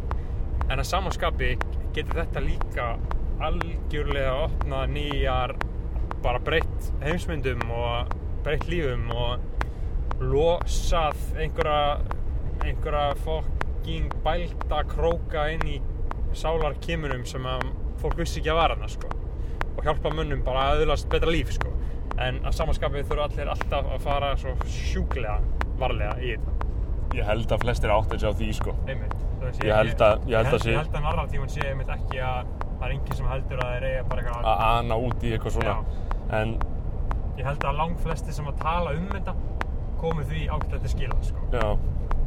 Já, já, og Joe Rogan, mér finnst hann talaði alveg eðla um þetta sko. já, En það er, ég get ekki útskiptað en það, en það er eitthvað við þetta hla, hlaðarfans sem er, sem er skrítið sko, finnst mér. Svo, þú, þú ætti líka bara að hlusta á bókin sem sagt, sem að var við Já, Michael Pollan, ég, hef miklu minni efasemtur um hann en nokkur sinni að fjölmjölamanninn, sko. Ég trúi mikið á hennan Michael Pollan-gaur og ég veit að hann skrifaði ímislegt aðeinsvert, bara algjörlega óháð þessari umræðu um um Sko, þessi það eru mjög margar, það hluti sem Joe Rogan gerir sem ég er mjög ósammála um, en að samanlega, þú veist, dæmis, ég myndi ekki fara og hérna, skjóta hreingir með lásabóðunum mínum og geta það síðan veist, það er eitthvað sem ég myndi ekki gera en það er eitthvað sem hann tilbyður sko. Já. um, uh, ég er ósammála þar en þegar kemur á þessu efnum uh, það sem hann er að tala um, bara sérstaklega einmitt, þessi psychedelics um, þá þá heitir hann bara naglan beint á höfuði sko. Sérstaklega ef maður hefur prófað þetta áður og maður hefur talað með aðra einstaklingar sem hafa uh, prófað þessi efni og fundið einhvers konar laust fyrir sjálfan sig út úr þeim lífsreynslum uh, þau eru alveg sammála því að Joe Rogan er, hann er ekki að hann er, þú veist, hann er ekki að tala um hennar er Nei, nei, hann hefur í þekkingu á splitting, fire Og- kemur að þessu rugli sko. Einmitt, og hann er voða sko boksaður inn sko, af til dæmis, þá hefur hann var að tala um á sko, alltaf þegar eitthvað verið að skrifa um hann í einhverju viðtölum eða eitthvað, þá eru sem sagt þeir sem er að fjalla um hann, skilur við, hann hefur tvisa sem verið kallað bara eitthvað psychedelic warrior, skilur við, sem að hann er ekkert, eða skilur við, sem að honum finnst pyrrandi að vera kallað, skilur við, því að hann, þetta er ekkert þess endilega hans aðal shit, skilur ég hvað meina. Og hann er einmitt búið svona bóksaðurinn fyrir að vera svakalegu talsmaður að allir er að gera þetta og allir er að gera hitt en eins og ég veit sem hlusta á hann þá var hann að tala um að gallin við svona umræðu um þetta eru sagt gaurar sem að fá það á heilan að allir eiga að gera þetta og þú sé bara fucking stupid ef þú gerir þetta ekki skilur Já. en hver og einn verður bara að finna sín eigin leið að þessu Ég er bara 100% ég meina ég á, ég á sko- vini og vinkunur sem að eru bara með serotonin levelin í lægi og hafa alveg upplegað ykkur áfallu og svona en bara líða vel í sínu eigin skinni og bara hafa Sko, það sem ég, það sem ég segi um þetta og, og, og það sem sko, ég veit að þið er ekkert að gera það Já. og ég veit að Joe Rogan er kannski ekki að gera það en það sem ég hef svo rosalega litla þólum að þið fyrir er einmitt það sem við erum að tala um þetta Já, að, að sem bara, að segja allir gaurar sem er að segja og maður er bara eitthvað svona Já. please, haltu kjafti bara Þar haltu alveg í en, þér. en það er bara, það er eina sem pyrringur minn beinist að sko. Algjörlega. ég, ég, að því ég stið svo fullkomlega andlega viðleitni fólks en það er bara, ég yfirfæri þann pyrring á allra umræðu um þetta sko. Og en, þetta er nákvæmlega sama með veganisma eða með alla þessa Já, maður verður, maður verður svo, þessi talsmenn eyðileggja svo mikið fyrir málstæðanum að þetta er bara ekki, þegar að fólk heldur að eitthvað eitt sé rétt að svarið fyrir alla og þetta, af því það er bara, það er hugsunarvilla að halda að eitthvað eitt sé rétt fyrir alla, skilur og þetta er mitt, það er, þú veist, eins og ég segi, þú veist, það er í raun og veru ef ég er að leita svarið fyrir því af hverju ég er með heimskulega fordóm fyrir þessu, þá er það að því að ég bara, er, bara hef zero tolerance, eh, nákvæmlega enga þólumæði fyrir, fyrir þessu kjaftæði sem vellur upp úr sumum um að allir verða að gera þetta og allir verða að gera hitt bara að því að feita raskat af þeim gera það, En mér finnst þetta samt smá kannski svona uh, ímyndaður andstæðingur sem út að tala um hana. Ég veit ekki um neitt sem að tala svona um psychedelics sko. Ég veit alveg fólk uh, En ég held sko fólk sem að tala svona um psychedelics sé fólk sem er þá annarkvæmt ekki búið að gera það en heldur að það, þetta sé svarið þykist þeirra búin að gera það bara svona 14 ára guttin í þú veist, mentaskólanum sem að segist þeirra ekki reynd sveit lengur bara svo að hann fytti betur inn í hópin væpið skilur Þú drafst ekki fuglinn bæði Nei, en hérna já. En þetta er náttúrulega En mál er, mál er að það sem ég held að, að sé líka sko, þú veist, bara, ég myndi aldrei óska neinum að fara í ayahuasca ef einstaklingum myndi koma um mér, Aron ætti ég að fara í ayahuasca. Ég myndi, bara, ég myndi aldrei segja, ég myndi aldrei segja honum bara, já, ég held það, ég held að þú ættir að gera það. Ef einstaklingur myndi koma upp á mér og segja Aron, ég er staðráðin í það að fara og prófa ayahuasca hvar ætti ég að gera það þá Já. myndi ég kannski hjálpa einstaklingum Já. að komast betur að niðurstöðu af því að ég myndi aldrei Við verðum að ræða þetta að ræða þetta betur í Í uh, við betra tilöfni þó ég held að þetta sé náttúrulega, við erum alveg búin að tæma þetta nokkuð vel, við ætlum ekki að fara að ræða þetta. að Við erum að. alveg búin að komast að Þarna, við erum búin að komast að einhverju skynsalega niðurstæðan að ég endi ekki sem fordóma fullur uh, loser sem ég er. Uh, við erum hérna pull up á noob, uh, hægri einabæð, Púli búin nú pull up á noob og uh, þetta er náttúrulega hinn eina sanna hlaðvarps uh, upplifun að við erum hérna að gera hlutinni beinni og farnir að taka hlaðvarp hvar sem við erum. Já. Þarna, og við erum hérna komnir, það eru tvær keilur hérna fyrir þetta og ég þarf að koma staðið hvort að ég geti með góðri saminsku bóðið þessum mönnum hérna sem vilja koma. Já, já. Eh, Ég þarf að lesa í stemninguna Já, hérna. fyrir bara rólið í það. Hverjir eru þetta? Ég veit ekki hverjir eru þetta Hvað er hérna? Ég veit ekki heldur maður. Oh my god. Ég er búið með bjórin. Uh, Ég líka uh, ætti ég að halda áfram að taka upp eða er ekki gaman að taka upp þegar fólk er að hilsa? Jú, já, bara að taka upp maður Þetta er bara Bara content. Þetta er náttúrulega næs fyrir okkur begga að eiga content. Mólið, þú kennst út? Það ger ég, så sådan er man sjå Velkommen. Så er vi her på Nuber. Uh, et islandsk by. Herru, þeir eru nýbúin að grilla.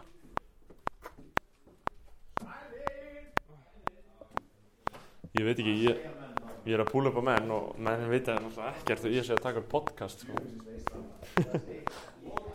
Herru, Beggi, þú ert að koma inn að fyrst.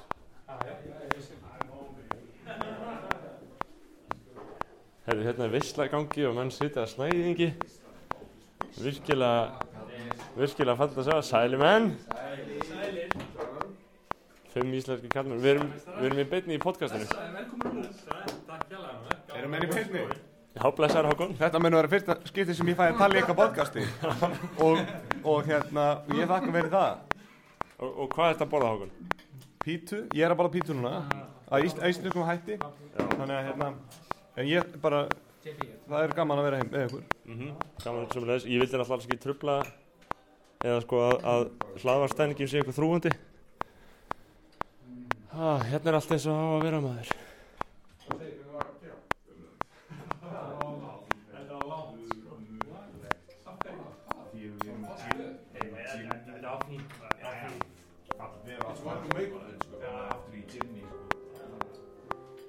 Við stoppum hér í bili.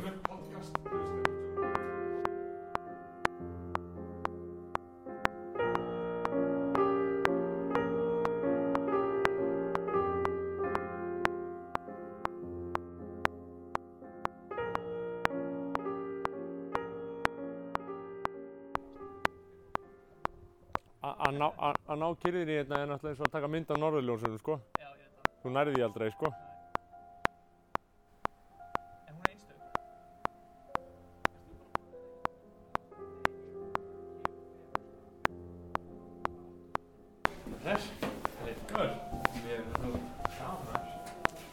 Þannig að er í lýsi aðstæðum, þá er Sigurður kominn það sem ég talaði við Símon fyrir stöttu. Velkomin Sigurður. Takk fyrir. Hann er leikari, hann er að leiki bíómynd hérna. Var ég í þættir um aðan, já?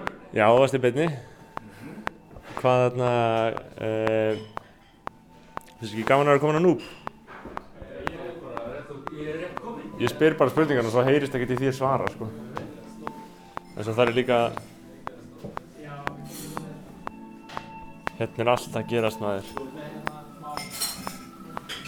Móli, sko Móli, þú ert einn af fáum hérna sem er vanur því að vera í hlaðarpinu. Það er allir svolítið svona, Allir svolítið finnir já, Já, það þýr ekkert að vera feimin Þú ert að taka í miljón sko Það er bara point and shoot eru ég þú og Beggi ekki bara hér, eða? Ég held það Kalla henni hér. Nei, ég held að þú sést þarna Mm, hvað ætlar að gera um mig? Hjúgraður Já, við erum innan inn í fokki næs svefnarbyggi og þetta er risastórt rými, þetta er risastórt hús, það er risastórt íbúð þetta sem við erum í. Uh, Aron er að taka upp töskunni sinni, setja rúmið. Ó, shit, ég kom náttúrulega ekki með á rúmið maður. Nei, það er eitthvað til í þetta sko. En seg, hvað er með þetta topic? Þetta farið ekki topic? Topic, bara, þú veist, fucking noobsveislan, þú veist, við þurfum að gera þessu einhver skil að við séum hér, fattar við? Ok, ímyndið ykkur Kæru hlustendur, ímyndið ykkur að uh, Þú veist, þetta er eins og íbúð frá 1980 uh, sem við erum inn í sem við erum inn í. Já, já, já, já, já. En konseptið núbur er basically eins og höll. Já, þannig kannski útskýr það. Núbur er sérst bara mektarbíli hérna fyrir vestan á, á dýraförum og hérna var alltaf héraskóli og fjölskylda Jóns Péturs sem kannski kemur hérna við söguna stundar kefti og fjölskylda og kunningjar, kunningjar þeirra keftu Núb, bara gamlan alþýðu skóla, risastóran skóla sem var heimaðastaskóli og fleira og eiga bara húsið núna, skilur og þetta er bara risastórt hús og við erum inn í svona rektorsbústanum hálfpartinn, sko Já, þetta er hann, sko, þetta Já. er rektorsbústar og við erum að gista hér og þetta er eiginlega, þú veist, það er eiginlega erfitt að útskýra hvað er í, gang, hvað er í gangi hérna, sko. Þetta er vissulega bara ein mesta víbara sem þú getur fundið uh, Það er enginn í mjög, sko margar kilómetra fjallað frá okkur, við erum bara alveg einir í rauninni Já, Nema það er mikil einangrun. mikil einangrun, kannski einhverja hræður hér og þar aðeins hérna, bara hérna rétt við liðina í sveitabæðinu með þetta liðina, en það, það er ekkit það ber ekkit á þeim sko Nei, Herru, var ég ekki með kottaver? heyrðu, andskotið maður, við verðum að búa um fyrir mig líka.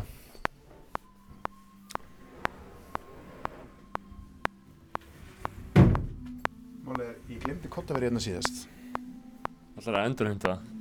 Ef ég finn það Vorum við ekki saman hérna síðast? Það er komið barnarúm hérna. Þetta er svo geðið En ég veit ekki alveg hvort ég geti með góða móti líst því sem fyrir auðvitað ber, sko. Nú erum við alltaf inn í rektorsýbúni. Bjartur í eldhúsinu maður. Eldús eins og bitch Hvað var það, hvað var það að borða Bjartur? Getur líst því með góða móti, eða?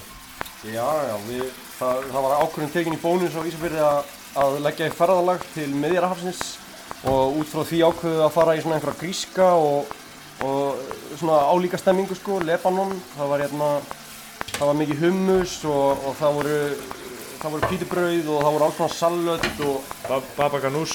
Baba Ganoush, einstaklega vel hefnað hjá Jónum Petri sko og uh, þetta var bara matar upplifun sko. Já, ég smakkaði smá á þessu, þetta er allt vegan eða ekki?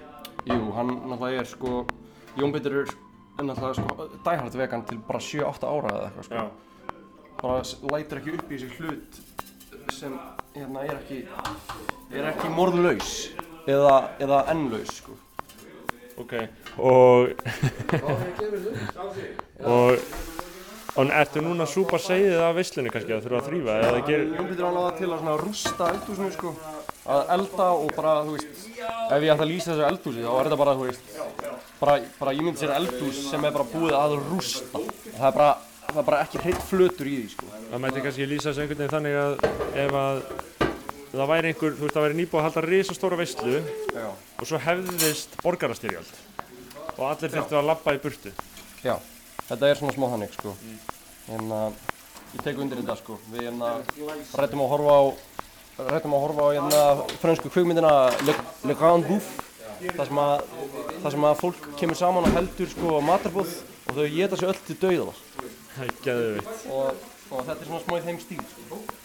Já, og, og núbur það er alltaf sama væpið og áður, ég meina það er ekkert, það hefur, hefur, hefur síst orðið einhver væp mingun sem við vorum það síðast. Nei, við vorum hérna síðast fyrir tveim mánuðum og, og það er alls ekki búið að vera væ- væp minkun. Hér er komin alltaf sko, síðan að þú varst hérna síðast, þá er komin nýtt gistirými í sko megin álmunni þar sem að skólinn var. Af því að við, náttúrulega vorum, vorum við ekki bara að gista hérna í íbúðinni. Við vorum bara hérna og þá var, vorum við að gera upp hérna álmuna, sko. Já, núna getur maður gist þar sko, það er mjög næs. Já, ég, held að þessi staður, sko, vegur hans er bara að verða meira og meiri. Já, ég held það líka sko. Það, það er alltaf að koma eitthvað fólk hérna fyrir utan sem var í núb skólanum sko og er að spurja og, og horfa inn og eitthvað svona og það er svona misjafnir hlutir sem fara á þessum stað en, en hérna í frá er þetta bara eina væpið sko. Já, Jón Gnarr var hérna og hann svífist í staðinn, sko. Já, hann svífild staðinn í bókinu sinni og ég talaði við tvær konur, maðgur sem voru hérna um daginn sem voru báðar í skólanum og mismunandi tímum. Ein, þú veist, svo sem var eldri var í skólanum hérna, þú veist, 60 eitthvað. Og eldri, nei og yngri var 80 eitthvað. Sýnunum nú, þannig að þú vildi kannski fylgja bræðið Já, en, en Bjartur er að segja svo gott stöf, ég ætla að koma til, ég ætla að elda það bara núna eftir smá. Ok, allt í góð, fyrir ekki ég var að tröfla Þannig að, það er hvað að segja. Já, já þessar Hvað maðgur, voru þær voru, að segja? þær voru bara, voru bara keiraðinga í fyrsta skipti síðan 80s þegar ma mamman var að, skuttla barninu eða sækja barnið, þú veist, eftir bara langan vetur hérna og þú veist, það voru strangi kennarar hérna, þú veist, allavega þegar eldri konan var hérna og þegar yngri konan var hérna þá svona saði hún að, að þú veist, hún gæti alveg trúa því að eitthvað af, því sem kemur fram í þessari bók hafi verið bara svona regular dæmi að þú veist vera að gera þetta, skilur við. Þetta er náttúrulega ekkert grín að vera hérna eitthvað í dýrafyrði yfir 80s Ok. og þú veist bara með að þetta er bara katastrófa í janúar. Já, það, það er ekkert fært hérna, það er alltaf fært hérna í, hérna í byggður, skilur. Ég held að það sé alltaf lægi að kera norðaðina og fara í gegnum Ísafjörð og, og Já. göngin er múin að redda miklu en hún sagði að þú veist á vetunar þá voru stundum að lenda í því að snjóskaflega komið upp á þriðju hæðina á, á húsinu. Og það kem, kemst enginn út. Svakalega innilöku sko. En aðtillisvægt samt að menn sé að og konur sé að staðfesta frásagnir Jóns að það voru einhverju sem voru með mótbár og voru að reyka þetta ofan í hann sko. Já, það er töluð um það sko að það hefur verið mikið af fólki á Facebook og eitthvað svona að segja að veist þetta hefur bara verið geggjað á skóli og, og eitthvað veist þetta er, þetta er náttúrulega ekkit eins og hérna þú veist, hérna breið, Breiðuvík eða eitthvað þannig skilur þetta er ekki með eitthvað þannig rep ennþá hana, ég veit ekki. Ætli það sé ekki bara miðsjönd þessum vennetinu eru margir? Jú, jú, ég myndi, ég myndi ætla það sko.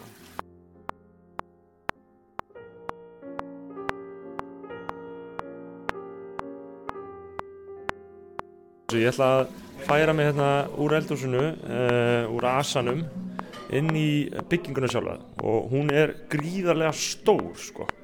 Uh, hún er bara þú veist, ég get ekki eins og lísti hvað þetta er stór þetta er bara sko fucking grunnskóli. Uh, ég er að reyna strákar, hvar eru þið? þeir eru uppi. Nú er ég að labba hérna upp stiga, þú veist, ég fer einhvern veginn úr rektorsbústanum sem leiði mig inn í álmu sem síðan leiði mig upp stiga sem er hérna. Og núna er ég þar sem að um sko áratöfabil nú er bara að rífa þetta allt niður sko var bara kent og sofið og hérna lengst inn í dýrfæli hvað er þið strákar? já, byrju, miskildi það sem ég var að segja þeir voru ekki dinn uppi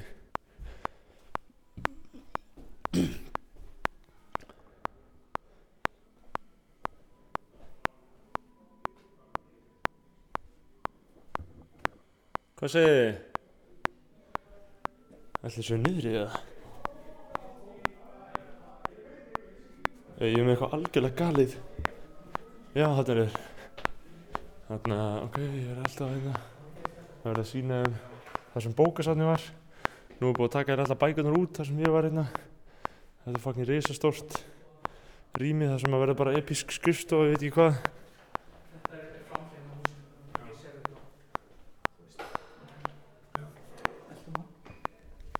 Og nú erum við orðin fluga á vegg Fyrirferða mikil fluga á vegg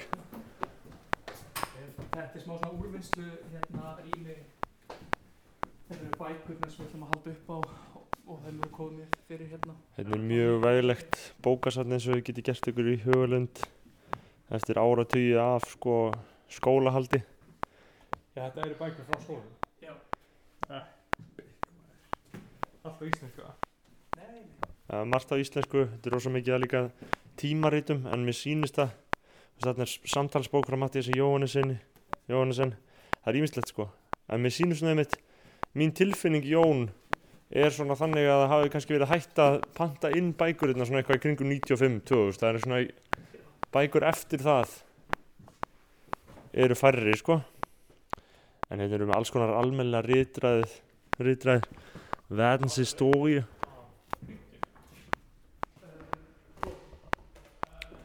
og ég meina Siggi, hvernig hvernig metur þetta bókasafn? Uh, í fljótu bragði. þetta er náttúrulega ekkert bókasafn lengur, þetta er ekkert flokka á nefn almennilegan hátt, sko. Nei, en þetta er ákveðin bókakostur. Já, já, það eru skólabækur hérna sem eru kannski svona lýsandi fyrir Já, hva, hvað, er, hvað erum við hérna? Landabrjafabók 2 uh, Bókasafnið við hér að skólan og núb. Þetta er svona eins og myndi kallast kortabók þar sem að Er þetta ekki bara ég sem er skóla. Google Maps? Jú, ég meina þetta er í rauninni Google Maps uh, fortíðir Já, það er svolítið aðtryggtvert Mm. mm.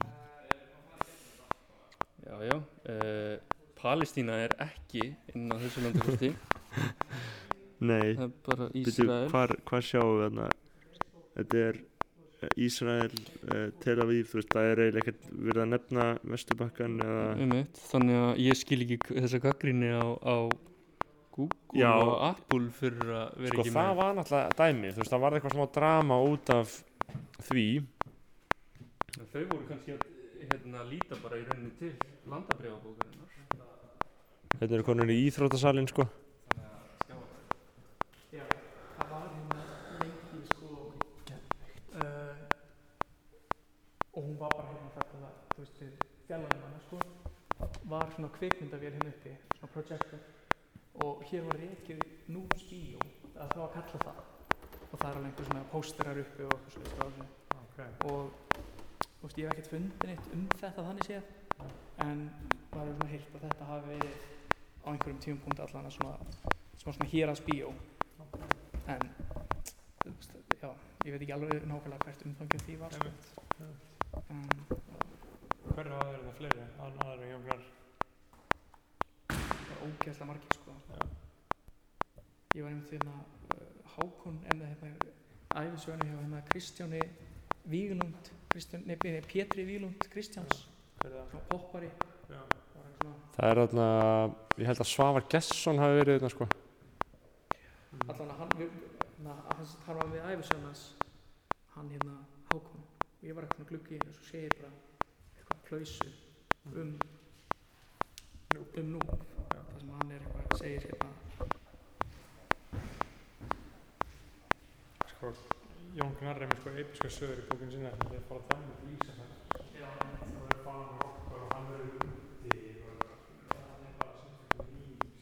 Þetta er íþróttasalur Siggi, þú getur ímyndað eineltið sem við farið fram hérna já Það er, kannski svolítið Heldur að það hafi eitthvað verið frekar einhelti hér eftir að annars staðar eða? Nei, kannski ekki, sko, ekki í skólum sérstaklega heldur bara íþróttasal sem, sem, sta, sem, play, sem, sem að Nú förum við hérna í einhvern, inn í einhvern ránkala um íþróttasalinn. Og það eru komin í góða, góða kjallarann, sko. Og þetta er, þú veist, ég get alltaf líst þessu, sko. Það er svítalegt Svítarætt fyrir alda? Nei. Þetta er bara, þetta er líf, sko.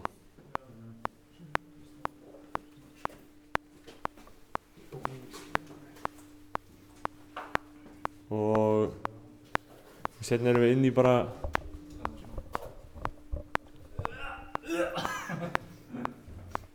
Mjög góðum búniskleðum, sko Hellaði staði fyrir reylling Já, ég, þú veist, í svona myrkri þá er þetta hellaði staði fyrir hryllismynd það er alveg rétt lýsing.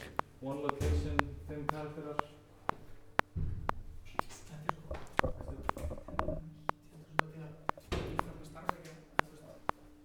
Þannig að sjá þetta, þú veist, eitthvað svona Já, myndast rakki út af því. já, það er út af því. Er laug? já, að? Er laug spyrja þér Vá, maður.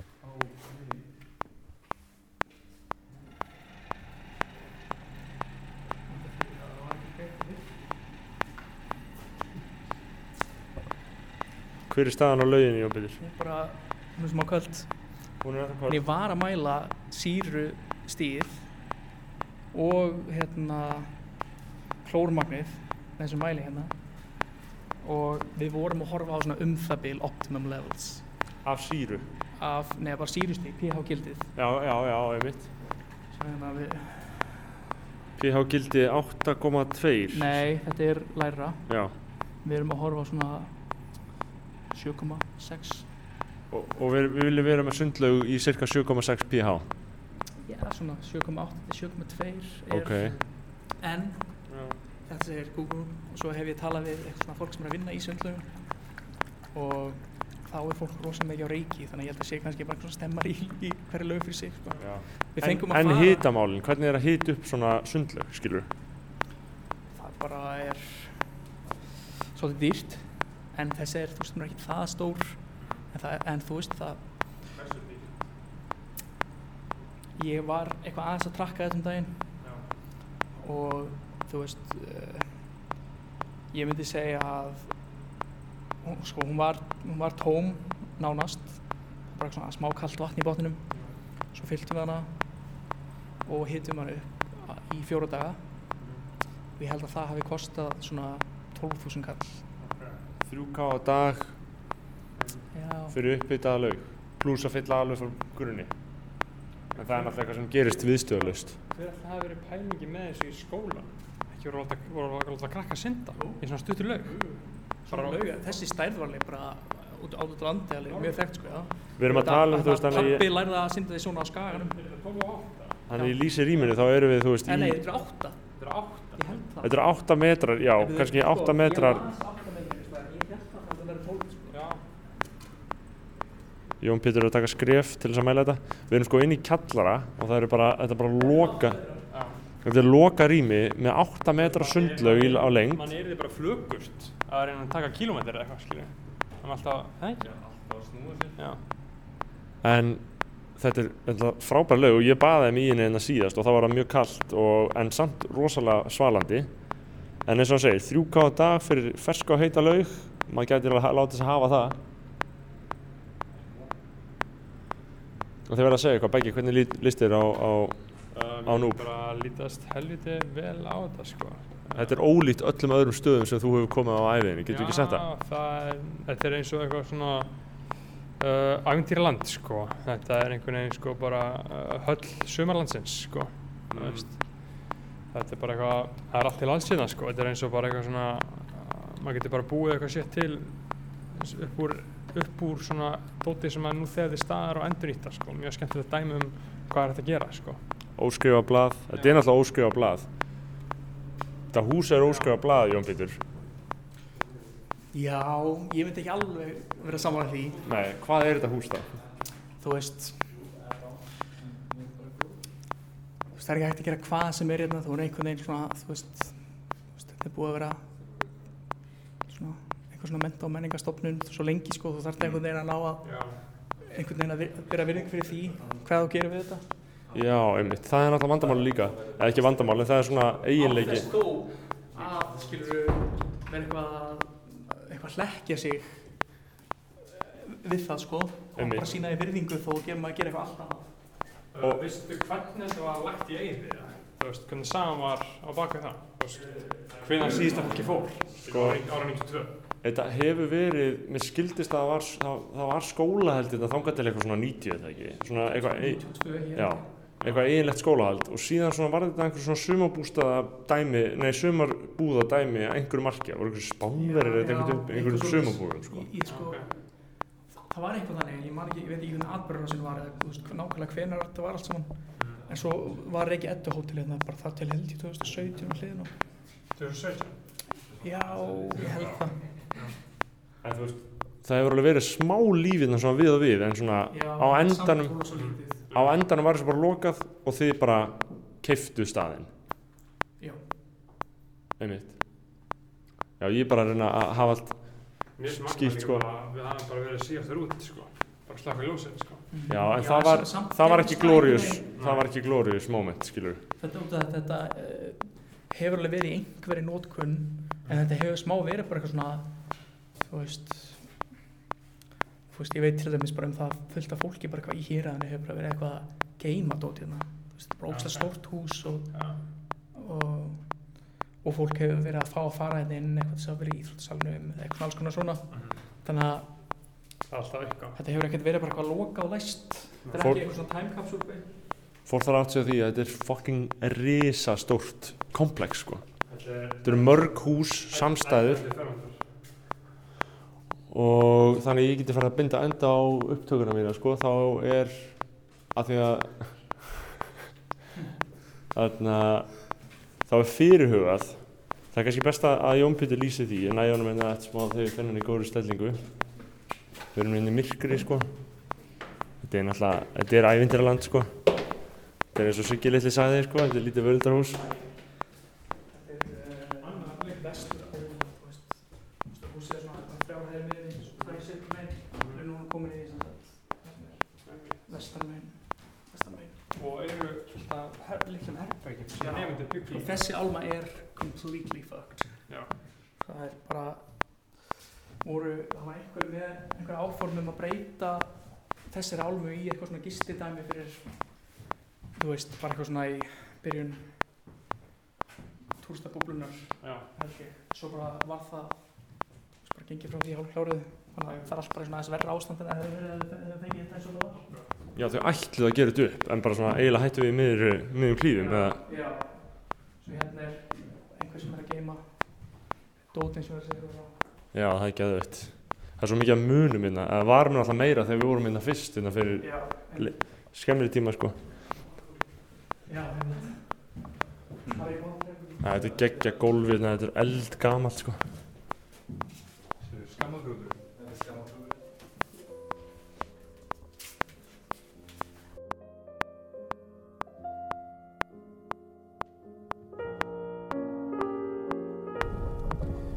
Jæja, þá erum við að rúlla út úr uh, ís, Ísafyrði, Nei, skutulsfyrði.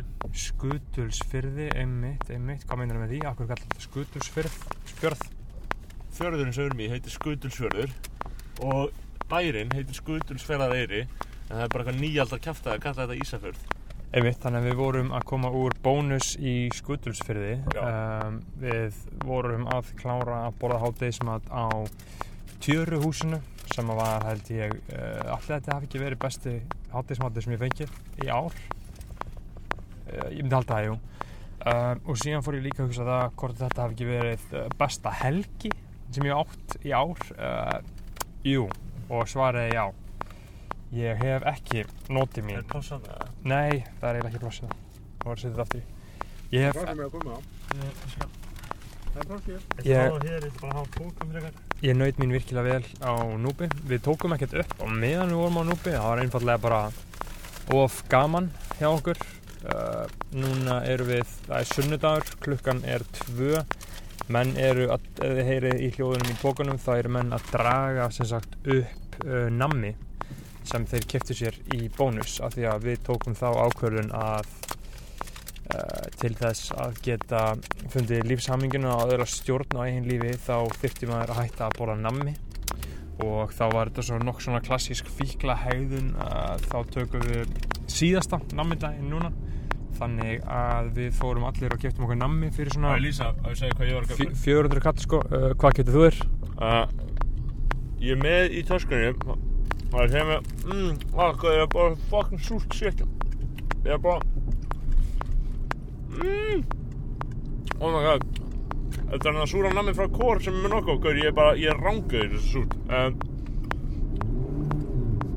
ég er að borða það núna. Síðan er ég með Nóa Sirius knappa með karamellu, saltkaramellu dæmi. Síðan er ég með lakrís, er ég að tala allt og hátt í henni? Nei, þetta er alltaf, alltaf bara að tala Síðan er með lakrís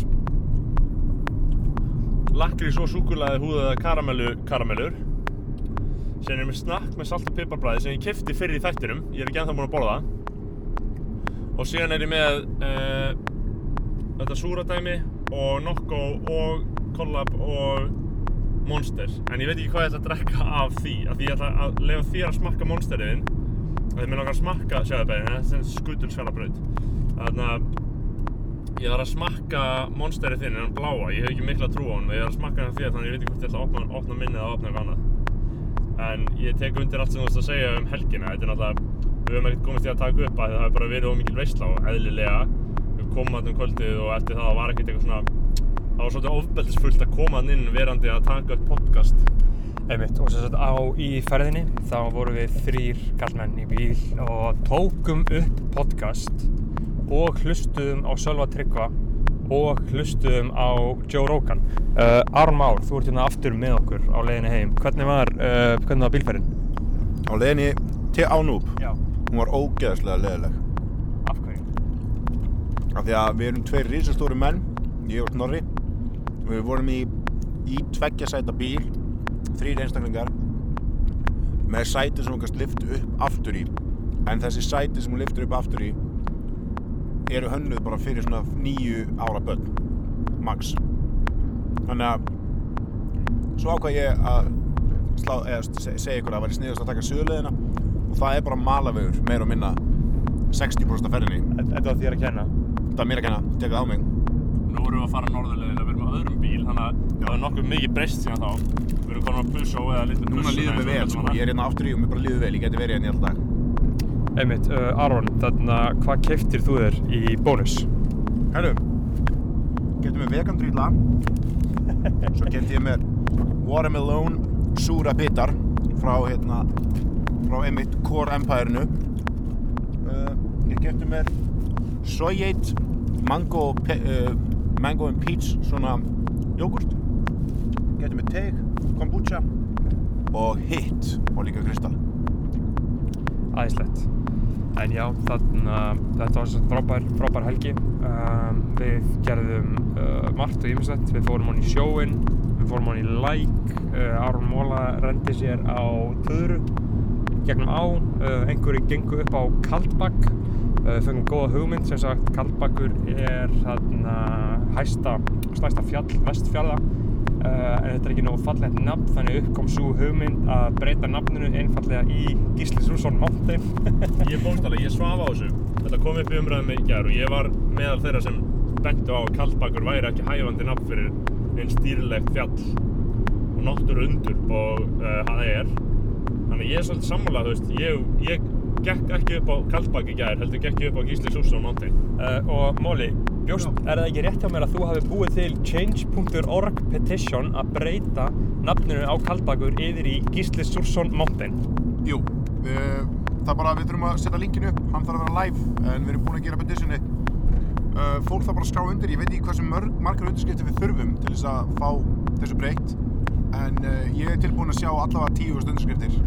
Já, ég held að við myndum þurfa kannski 365.000 undirskriftir uh, til þess að þetta gangi í gegn en við allavega reynum, uh, sjáum. En sko, ef, ef þú ert að hugsa um þetta svona raunhæft, þá held ég að þá held ég að sé alveg raunhæft að þú veist, ef að, ég meina við ráðum eða hvað hlutnir í kringum okkur heita, ef að það væri líðræðislega vilji fyrir því að, að breyta nafninu í Gísli Súrsson Mountain af því að Gísli Súrsson Mountain, heyrist að líf með mig? Já, það heyrst þér. Oh fuck Gísli Sússon Mountain, það er skemmtilega þversagnakent í eðlisinu af því að á sama tíma að þetta vísar til okkar uh, arfs okkar vannrækta bókmænta arfs sem enginn les og enginn en allir tala um að segja eitthvað góður og næs en enginn hefur aðgang á það, enginn skilur lengur. Á sama tíma að þetta vísar til hans sem er jákvætt hljóð lítur öllum að finna svona menningapolítíst þá er þetta náttúrulega Mountain Já. En ég myndi ekki vilja hafa þetta eitthvað fjall Gísla Sússon, það væri. Nei, Ég myndi vilja hafa þetta Gísli Sússon Mountain. Það er uh, það fallega við þetta að þetta er Gísli Súrsson Mountain og þetta er því kallað The Gísli Súrsson Mountain Já. af, sem sagt, túristum sem myndu koma að heimsækja þetta uh, þannig að það Íslendingurinn þyrfti líka að kalla þetta The Gísli Sússon Mountain. Það Já. heitir ekki á íslensku, bara á landakorti myndi þetta heita The Gísli Sússon Mountain. Og með við hliðin og myndi kannski standa Þú veist, ég, ég hef skrifað, ég hef skrifað greinar um, tók viðtalegt við sem sagt, konu sem var formaður örnefnanefndar á sínum tíma. Það sem að vera að ræða þetta vandamál um að sérst, víða um land þá eru örnefni fann að taka á sig svolítið enska mynd sérstaklega bara í gegnum eitthvað svona Google Maps hack af því Google Maps er svona einhver margir svona liðræðislegu miðill, þú veist, bara það sem fólk heimsækir og þú hefur rétt til þess að leggja, leggja til breytingar og svona, ef það er engin einhver miðstýr ritskoðun á því, þá náttúrulega bara gerist eitthvað og þar eru staðir farin að vera kallaði bara eins og breiðumarkasandur og einhverjum, eða svona fellsfjara eins og það heitir á breiðumarkasandi, sérst, vestur og eistri fellsfjara, þannig að það er farið að vera kallað sko Diamond Beach. Já, Black Sand Beach, Reynisfjara þannig að fólk sér vandamál í því þannig að ég held að Bæki, ég held að þú þurfa að hafa mækinn nær mér Nei, sko. ég heyri vel í þér, sko. Þetta er bara mjög gott, sko. Heldur það? Ég- Ég, ég, ég, veit ekki um hljóðið, en hvernig segir sínur skjárin, þú veist?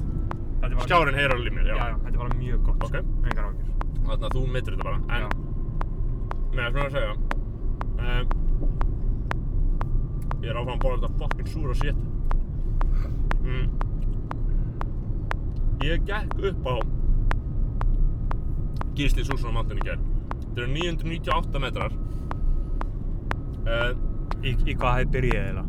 Þið gangi ekkert upp kílómetri hann eitthvað Nei, þetta er, þú veist, við byrjum alveg í skur smá hæð, við keirum hann upp í eitthvað skarð sem heitir Kvennaskarð uh, og ég gekk upp og þetta er rosalega erfið ganga, þú veist, þetta er ekki þetta er, þetta er svo sem alveg á allra manna færi en þetta er svona eins og Jón Pétur vinnur minn lísti því að vera á stígavélinni í stillingu sem þú valdir ekki sjálfur. Það er heldur gott, Þannig að og bara svolítið ofrætt uh, og alveg einn og hálfur til tveir klukkutímar af intense stigavél uh, og ég kom hann upp og þá var ég bara það var í alvörunni smá fyrir og eftir moment í íslenski náttúru af því að þið verða að fara hann næsta sumar sko. Þetta er, þú veist, að vera upp á Gísli Súsum Mountain með, þú sérð að þetta er eins og, sko, nafnið ber með sér, þetta er hæsta fjall vestæra þannig að þú ert á toppnum, þú, það er ekkert fyrir ofa þig, þú ert þarna. Þannig að þú sérð bara, þú horfir bara niður á allan fjallasalinn og fjöllin á skaganum þarna á milli dýrafæra og arnarfæra sem við vorum ákveðlega miðinni, heita í auknum mæli og eru auknum mæli kölluð vestfirsku alparnir þannig að og sem alpar, sem vestfirskir alpar báru þessi bar þessi dýrlegi fjallasalur nafn með rentu. Ég var hann að ég hitti upp á toppnum. Það var svona eitthvað einhver, eitthvað ein og ein persóna á stangli einn og einn ferðamaður á stangli sem var hitti og auðvitað fyrst og fremst þjóðverjar. Það er allt morandi í þjóðverjum á Íslandi með þannig sko. Ég hitti upp á toppnum á Gisti Súsum Mountain þá hitti ég uh, þjóðverja og ég talaði við hann og hann segi einn góðum móðumáli sem ég er ekki góður í en ég get skilið og ég get rætt við hann. Og hann sagði að þetta væri herlich sem er sagt dyrðarlegt uh, og hann uh, er hérna á þannig ég segi sögu að þessu manni. Hann er sagt vélaverkfræðingur uh, kannski á 50 aldri frá Frankfurt, vinnur í bílaðinnan þar sem er náttúrulega eins og margfróðir hlustendur skoðanabræðar að vita einhver mikilvægast atvinnugrein þjóðverja, það er bílaðinnaðurinn og sérstaklega hann í söðu Þísklandi þar sem þú ert með BMW og, og sem er sérst bæjarísar motorverk og þetta eru svona bílarnir sem að uh, Íslandingar þekkja sem foreign cars Já. úr bandarísku rappi. Uh, þetta eru bæjarísar motorverk og síðan ertu með Benz, skilur Mercedes Benz, það er líka í söðu Þísklandi þannig að þetta er þetta þarna sem og Volkswagen og ég veit ekki hvað og hvað. Þannig að hann vinnur sem sagt í Frankfurt í bíla, automobíl, nei sem sagt automobílbransu eins og það sagði uh, og þarna það sem hann sagði við mig er að hann var kominn hann var kots for burnout. Hann var alveg kominn að kulnun sagði hann, 2017 við þekkjum það og höfum svo sem gert það umtalsefni hérna að vettvangi skoðanabræða að kulnun er alvarlegt vandamál hjá ungum sem öldnum og ég rætti við hann og ég var að spyrja hann bara hvað, ég meina hvað ákveðin á Íslandi. Og þá var hann einmitt að segja mig, já, ég meina ég kom inn í 2017 uh, þegar ég var alveg bara, ég var bara næstu komin í burnout og var inn í 2-3 vikur. Og Ísland, það kom til Íslands breytt í lífið mínu. Og ég bara aðlæðist nýja sín á hvað ég var að gera og þarna á, ég kom inn á hverja ári síðan. Þannig að hann var bara í sinni árlegu Íslandsferð upp á toppi í Gísli Súsar Mountain. Og hann með dróna uh, sumir ferðalangar í okkar föruneyti voru ekki sáttir við þá ráðstöfun að því drónar eru eins og stóra flugur en ég peppaði drónan alveg og ég meina bara gaman að fá insýnin í þennan ferðamann skilur þetta er alveg persóna sem er alveg mér alveg líð þó hann sé bara eitthvað þýsku pleppi skilur þá er þetta bara eitthvað maður sem ég talaði við og hann talaði um tilfinningar sínas Já, það er frábært. Kall með hann að tala um tilfinningar, það er það sem að skoðanabræður snúast um. um. Við erum núna að keira, uh, hvað er Ísafjara djúb, ekki rétt? Þetta er Ísafjara djúb, ég held það. Um, ég er að fara að enna presta klöppjandi vinstri. Ég er að fara að opna mér uh, þennan góða, góða uh, monster. Mono. Stundi gotlega er Monni. Tjekkum á þessu, heyrim hljóðinu. Þetta var fallegt. Uh, ég hef alltaf sko pyrrað mig því að þess að Monster er svona vinsæll orkudrykkur en markastildin í Víulfell markasettur hann að drikka ekki uh, sem ég veit ekki alveg af hverju þau gera. Þetta er bara, uh, bara eitthvað sem þau gera. En ég hef alltaf sko haft mjög góða auðlýsingu í huga fyrir þau sko. Þá var þess að tveir gaurar inn í búð og er að fara að kaupa sér Monster. Og einn segir að kalla þetta Money skilur, Já. kalla Monsterin Money. Uh, og hinn gaurinn veit ekki alveg hvað hann er að tala um. Og hann segir hey pass me the money, skilur uh, og það er bara what the fuck are you talking about, skilur og hann bara pass me the money. Og hann er að benda á þessi Monster og þá byrja lægið money, money, money, money. Money. Og þá koma fyrir skot, skot af ísköldum monsterum að opnast uh, að ís, fólki að hella monster yfir hvort annað. Fólk að drekka monster á kvölvi fólk á shotgunna monster með þess að þetta money, money, money, money, money. Að einhverju auðsingarstofu vilja kaupa þessa hugmynd það er bara, ég geti haft samband með mig. Ef einhver meistari er á, á YouTube eða á netinu við núna þarna uh, þá er ég núna, þá rekum ég núna minni til einnar Monster auðlýsingar sem var gerð á Íslandi sko. það var þegar Monster kifti sérst pláss í myndbandi tónlistamyndbandi við Busareifs lægið í MR 2013 þegar ég var businn. Þá var Monster sponsor. Það mátti náttúrulega ekki sína bjór skilur þannig að það virkaði mjög vel að hella Monster svona hressilega í skilur og það er hægt að finna þetta á YouTube held ég. Busareif 2013 eða eitthvað húkin er sérst thumb thumb, litla lamb, thumb thumb, litla lamb sem er alltaf gott shit. Og ég leki í þessu myndbandi og það er eitthvað svona legendary awkward augnablík þar sem ég horfi í myndavélina inn á íþökun þannig ef það er hægt að finna það og monsterlægi þá er það þarna, ég man ekki hvað, hvað lægi hét sko en ég get líka fundið það út Það væri gaman ef að rannsóknarblæðamæður uh, skoðanabræðarlagsins myndi kannski fara í þetta verkefni. Sá, sá, sá sami og að expósaði tweetinu þím. Já, það var var annar rannsóknarblæðamæður sem fann sko skrekksvídeóið að Já. við erum að dansa Já, og hann postaði ekki. Nei, hann er ekki maður bústaði, hann er bara að hóta mig með því hann er að blackmaila mig Já. Að Það væri heldur gott að einhver myndi uh, henda því en en, en já, sko, ok, þannig að við erum að tala um vestfyrir og Já, við erum að tala um Eh, helgina í Noob sem og- sagt. Það sem við vorum að gera þarna, við komum á föstudegi uh, þurfum sem eru Og búin að þannig hlusta að á fylgjum þann eftir sko, þegar síðan síðasta sem hlustendur heyrði held ég var þegar við tókum smá túr um húsið þegar við komum þarna fyrsta kvöldið. Já, Risastór fastegn og það er, uh, það er bara algjörlega, maður þarf ekki að öskra sko. já, en heldur að það heyrist ná vel í Ég þér? heyri skíthræddur um ótrúlega vel í þér, þetta er bara mjög gallað, þú ert öskrandi í mækinn, þess vegna er ég með hann hérna sko. Já, ok, ég skal tala rólega. Já, talaði rólega, þá Ok, virkar þetta. sko, ég er, ég, ég er alveg óviss um að það heyrist í mér svona. Nei, já, já. já, núna heyri ég loksins vel í þér, í þess vegna er ég búinn að vera með mækinn, bara fucking meter í burtu frá þér. Já, það er því þú ert Þannig uh, við erum að keyra fram á Súðavík núna sem er, verður að segjast, er eitt sorglegasta pláss á landinu með fullri viðingu sko, Súðavík er náttúrulega, þú veist, það var alltaf fucking sjúkasta snjóflóð í Já, þú veist, ég er að segja að það, það hefur, eh, þú veist, það hefur langt í frá að jafna sig þessi byggð, sko, þetta er alveg Já, þetta var svakalegt, alltaf sko. snjóflóð, sko, það gerðist alltaf, sko, 16. janúar 1995. Var það 1995, já, þetta voru Dæ, daginn sem að Aron Kristinn Jónasson fættist. Já, Þannig að hann kom í heiminn þegar að, hvað var ekki, 30 mann sem dói eða eitthvað. ég veit ekki hvort það hefur verið svo margir Og þetta, þetta er nefnilega mjög áhugavert svona, hvernig svona krossar, eins og til dæmis Jay-Z fættist 3. desember 1969, sama dag og Fred Hampton, Fred Hampton dó. Já, I arrived on the same day Fred Hampton died, real N-words just multiply.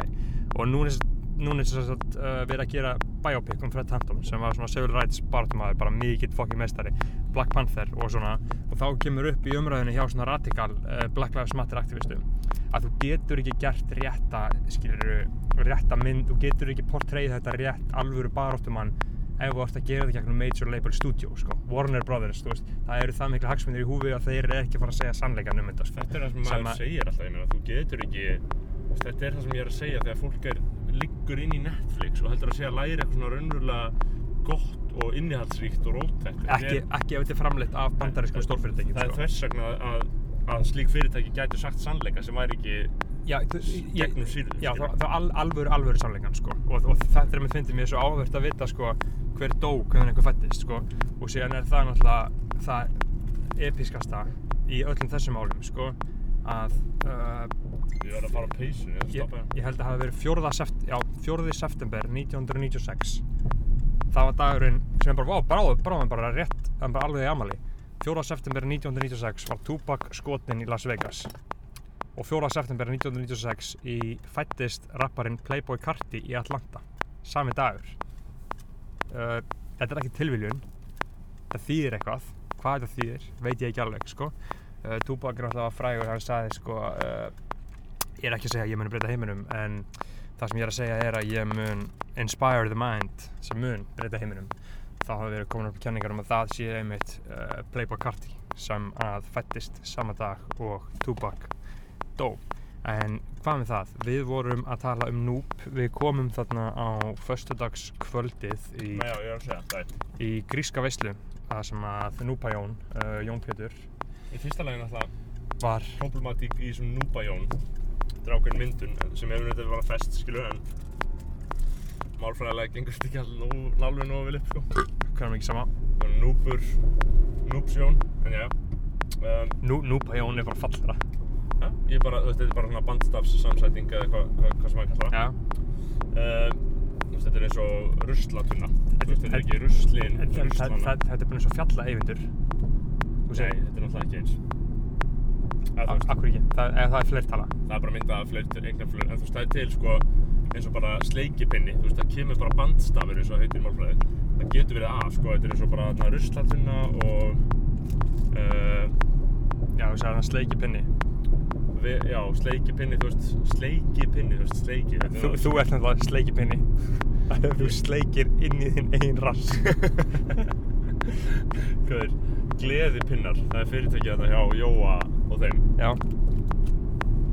Food Co. Wankers. Já, já. En Kings Þannig að ég var að fara að fucking segja eitthvað maður Já, sko við komum á kvöldi þannig að við followum upp á því við uh, Við komum um kvöldi og fórum í smá túr um húsið og þetta er alltaf svakalegt hús og ég get ekki líst fyrir ykkur inn í ykkur húsi þið verður bara að koma. Uh, En hvenær það getur verið, það er alltaf bara óráðið. Það er ótímabært að greina frá því sko með einhvern svona afgerandi hætti hvað verður gert á núbi sko. sko menn er að tala um Nei, þetta. nei, nei, nei, nei, það er mystería. Uh, Núba Jón vill ekki vera að, uh, að nákvæma það eitthvað í verið umræðu, sko. Þannig er bara verið að, smá verkefni, það er bara mjög áhugavert verkefni í gangi á Núbi. Uh, það sem að verður uh, rosalega listrænt umhverfi, risastórt húsnæði, risa mikið af gistiplássi, veitinga aðstæða, þú veist, það er hægt að mögulegarnir eru miklir, skilur. En það er ótímabært að segja sko að þetta verður hitt að eitt að annað, það er bara kannski óráðið sko. Veistu hvað við? Já, það er smá erfiðar að taka upp núna, við vorum að koma yfir á aðeins sko, verri, Verri veg. sko. það er smá, smá vond, sko. það er pæling hvort að við ættum að taka upp smá pásu og byrja síðan aftur að taka upp á eftir. Já, og þá getum við bara spjallað um eitthvað, en ég veist að við erum komið efni í heilan þátt sko Já. og Aron Móla tók upp eitthvað leini bút sem við erum eftir að setja inn. Einmitt. Uh, við komum aftur eftir smá, kannski þegar við erum komin í Borgarfjörðin.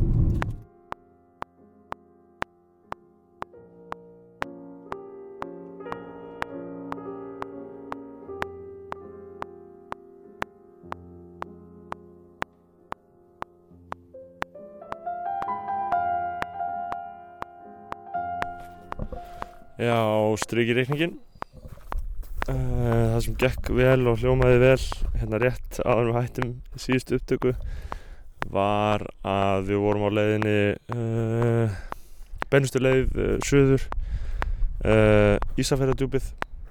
Um, vorum að kera það á litlum Peugeot bíl sem við fengum lánaðan frá vinum okkar sem hefði verið með okkur á núpi. Við ákvaðum að fara í þennan Peugeot bíl ég, Aron og Berþór til þess að það væri rýmra um okkur. Og af því að við hefðum verið í Suzuki Jimny á leiðinni vestur og það hafaði verið viðbjöður að vera þrýr eins og við lístum hérna fyrr en núna er uh, já, sérst og við, við ákveðum að við skiptum á bílum eftir mikla samningaviðraður og flækjur til þess að fá nýjan bíl til þess að þau ekki að vera þrýr aftur í já, sérst einn aftur í Jimnyin þetta er svona eiginlega tekja manna bíl með, með uh, valkosti fyrir börn að mínum að því uh, og, og við völdum þennan fengum þennan bíl Peugeot. Og síðan erum við að kera hérna rétt norður á Hólmavík og erum að kera söður og við erum að bara á góðum gýr og þá gefur bílinn sig. Uh, og við værum sérst, við, hann gefur sig bara. Og verður rafmagnslaus á miðri leið sem því náttúrulega hann er hættur að hlaða sig í gegnum rafgeiminn og þá eins og er kenning uh, manna uh, hlýtur alternatórin að hafa gefið sig. Og núna höfum við síðasta síðasta einn og halvan klukkutíma örgulega við erum bara hérna strand á Hólmavík og það er bara ömulegt mér líður bara fokkin illa. Ég reyna að vera þólimáður og haldi í góða skapi. Mamma er að koma að sækja okkur sem er á Bifröst var á Bifröst, kerið hérna allar kerið hérna norður. Ég veit ekkert hvernig hún kemur uh, en já eins og segi þetta er bara ógeðslega leðilegt bara geðveitt leðilegt. Og við eigum þú veist þrjá tíma eftir í bæinu hérna frá Hólmavík ég er nefndir ekki alveg kláraði hvað við erum lengi nokkurt spöl.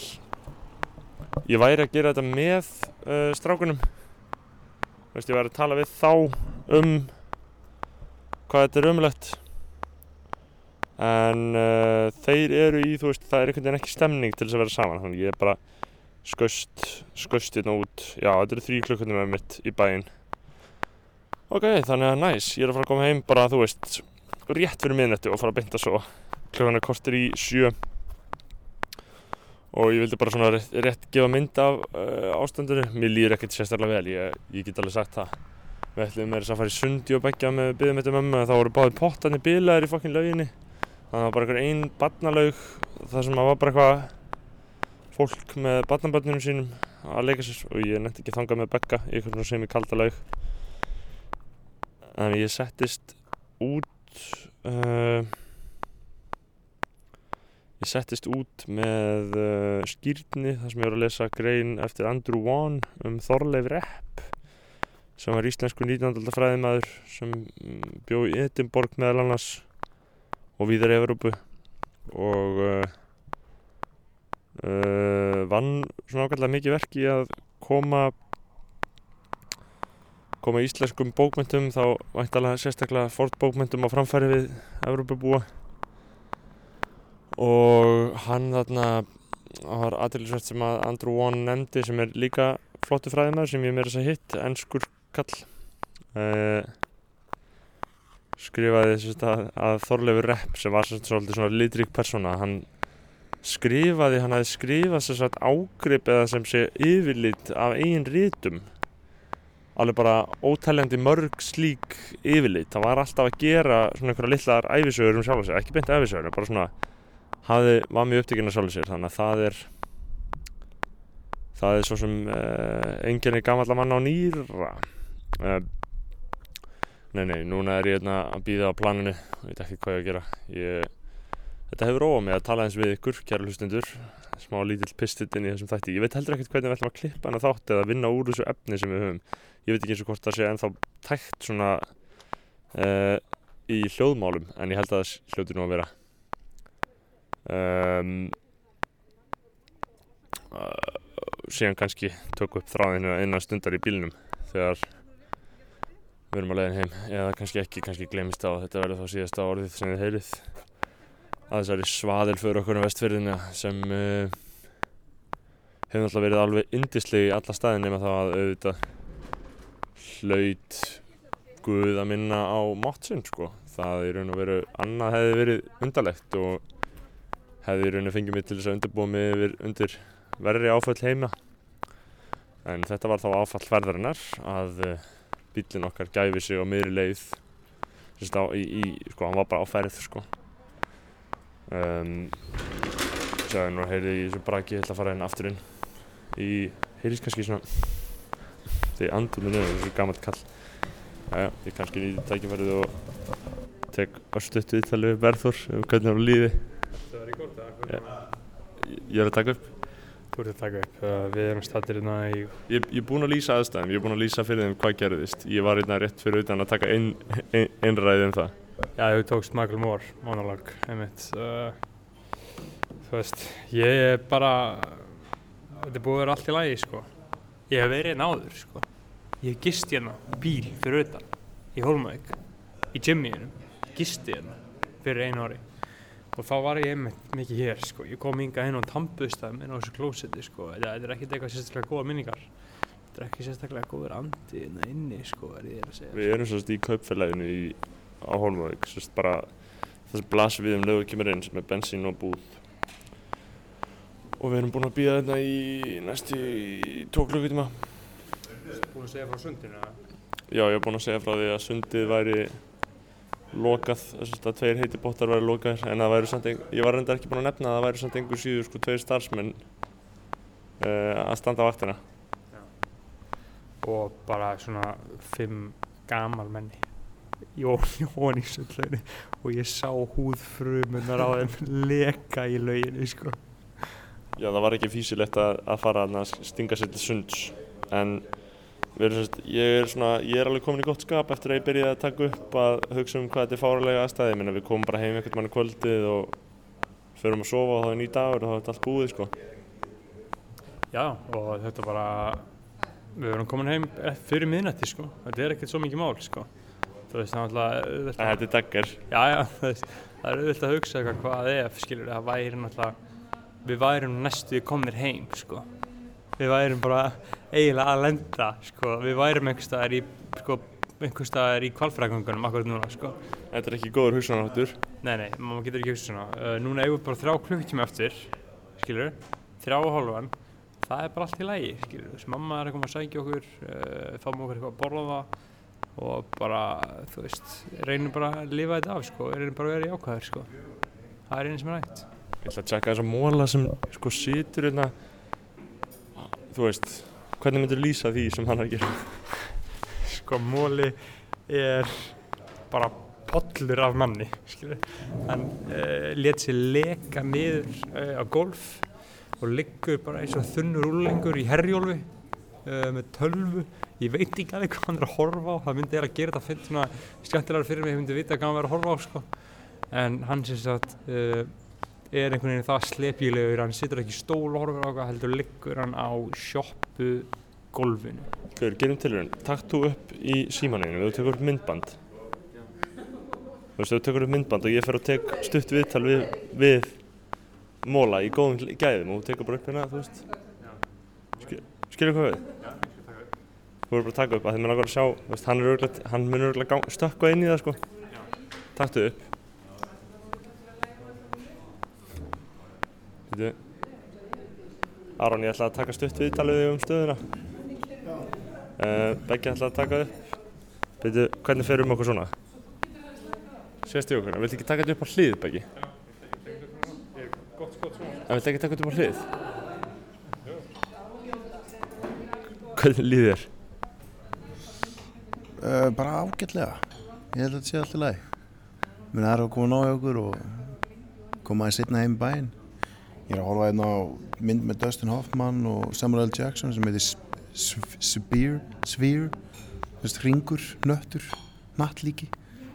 Uh, mjög skrítið mynd, sci-fi mynd sem gerist ofan í hafinu um eitthvað entity sem á heimaður. Varst ekki að horfa eitthvað áðan þegar við vorum í bílnum, annað eitthvað annað? Já, þetta. Var þetta líka. Þarna, uh, og að því ég bara líka að fá fyrir hlaðarpið uh, og hvernig var upplifuninni áðan þú hefur náttúrulega verið svona nokkur hlutlust þáttakandi í þessari atbyrðar hvernig hefur þetta verið fyrir þig? Hvernig er hlutlaus?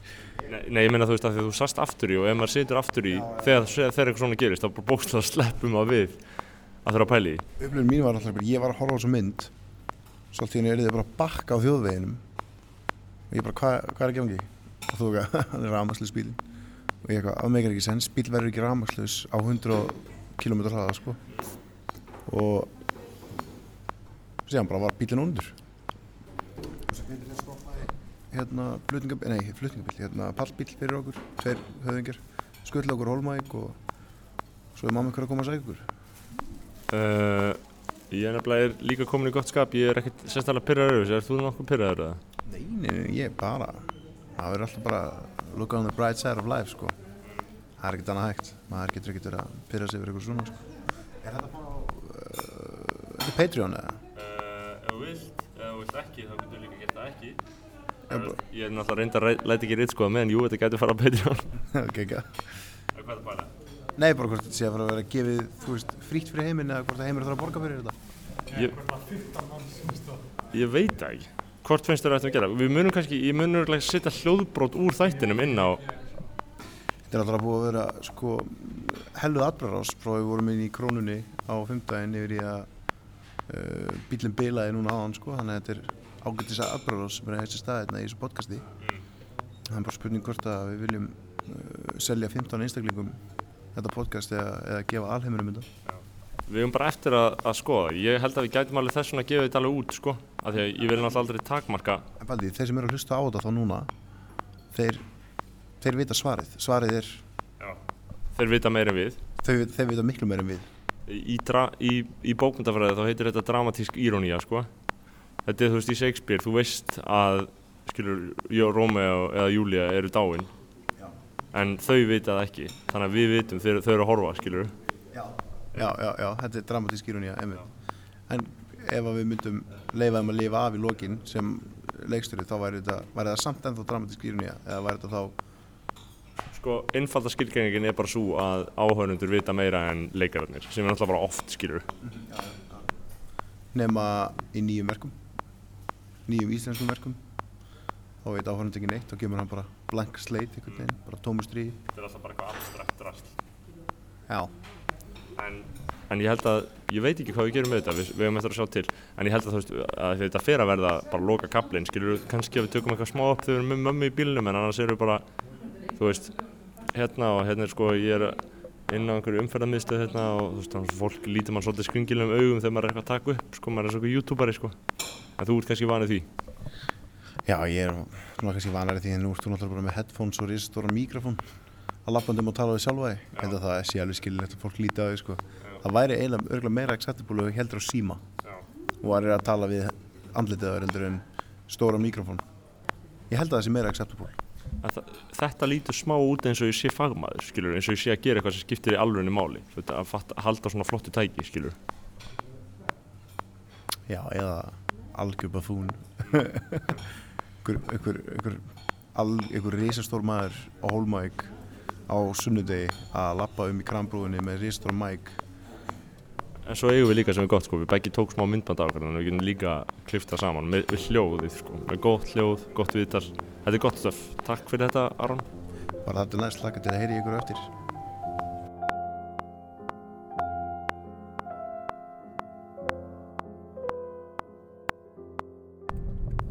Núna vorum við að keira fram hjá uh, Korputorgi. Það er myrkur úti, það eru 8 gráður, 9 klukkutíma ferðalag Var þetta það sem þú æðir að segja? að lókum. Var þetta það sem þú æðir að segja? Hvað Ég- hva, hva, hva, langaði þið til að segja? Ég ætla að segja, hérna á loka metrunum, við erum að koma heim, Já. þá ættum við náttúrulega, þú veist, það væri réttast að við þrýr, ég, þú og Aron Móla, þrýr gæs, myndum hlusta á podcastið með okkur teimur og Arni Móla. Við erum búin að hlusta Tryggva, við erum búin að hlusta podcastið hans uh, og við erum búin að hlusta á Joe Rogan. Já. Skilur við, þú veist, ég var, var að segja að það væri góð hugmynd að við vorum að tala um það podcast áðan, Aron, manstu? Já, já, já, já. Sko, ég er náttúrulega búin að stíka upp og ég er að hlusta á, sko, ég er í nokkrum podcastum. Hvort við ættum ekki að hlusta á öll podcastin sem ég er í. Jú, taka bara uh, móla katalógin. já, bara mólakast, bara tjekka Af því að Beggi náttúrulega svífirti, við, við munum ekki lengur hvað það er, hvað við sögðum. Eða Beggi, þú sagðir. En eða má ég segja, þetta skilubón sem þú feist á hann Aron, frá Já, Jóni. áðan, ég fekk um daginn, sko. Jóhannes Haugur, þið svífurstu nafni Jóhannes Haugs í, í þættinu með mér.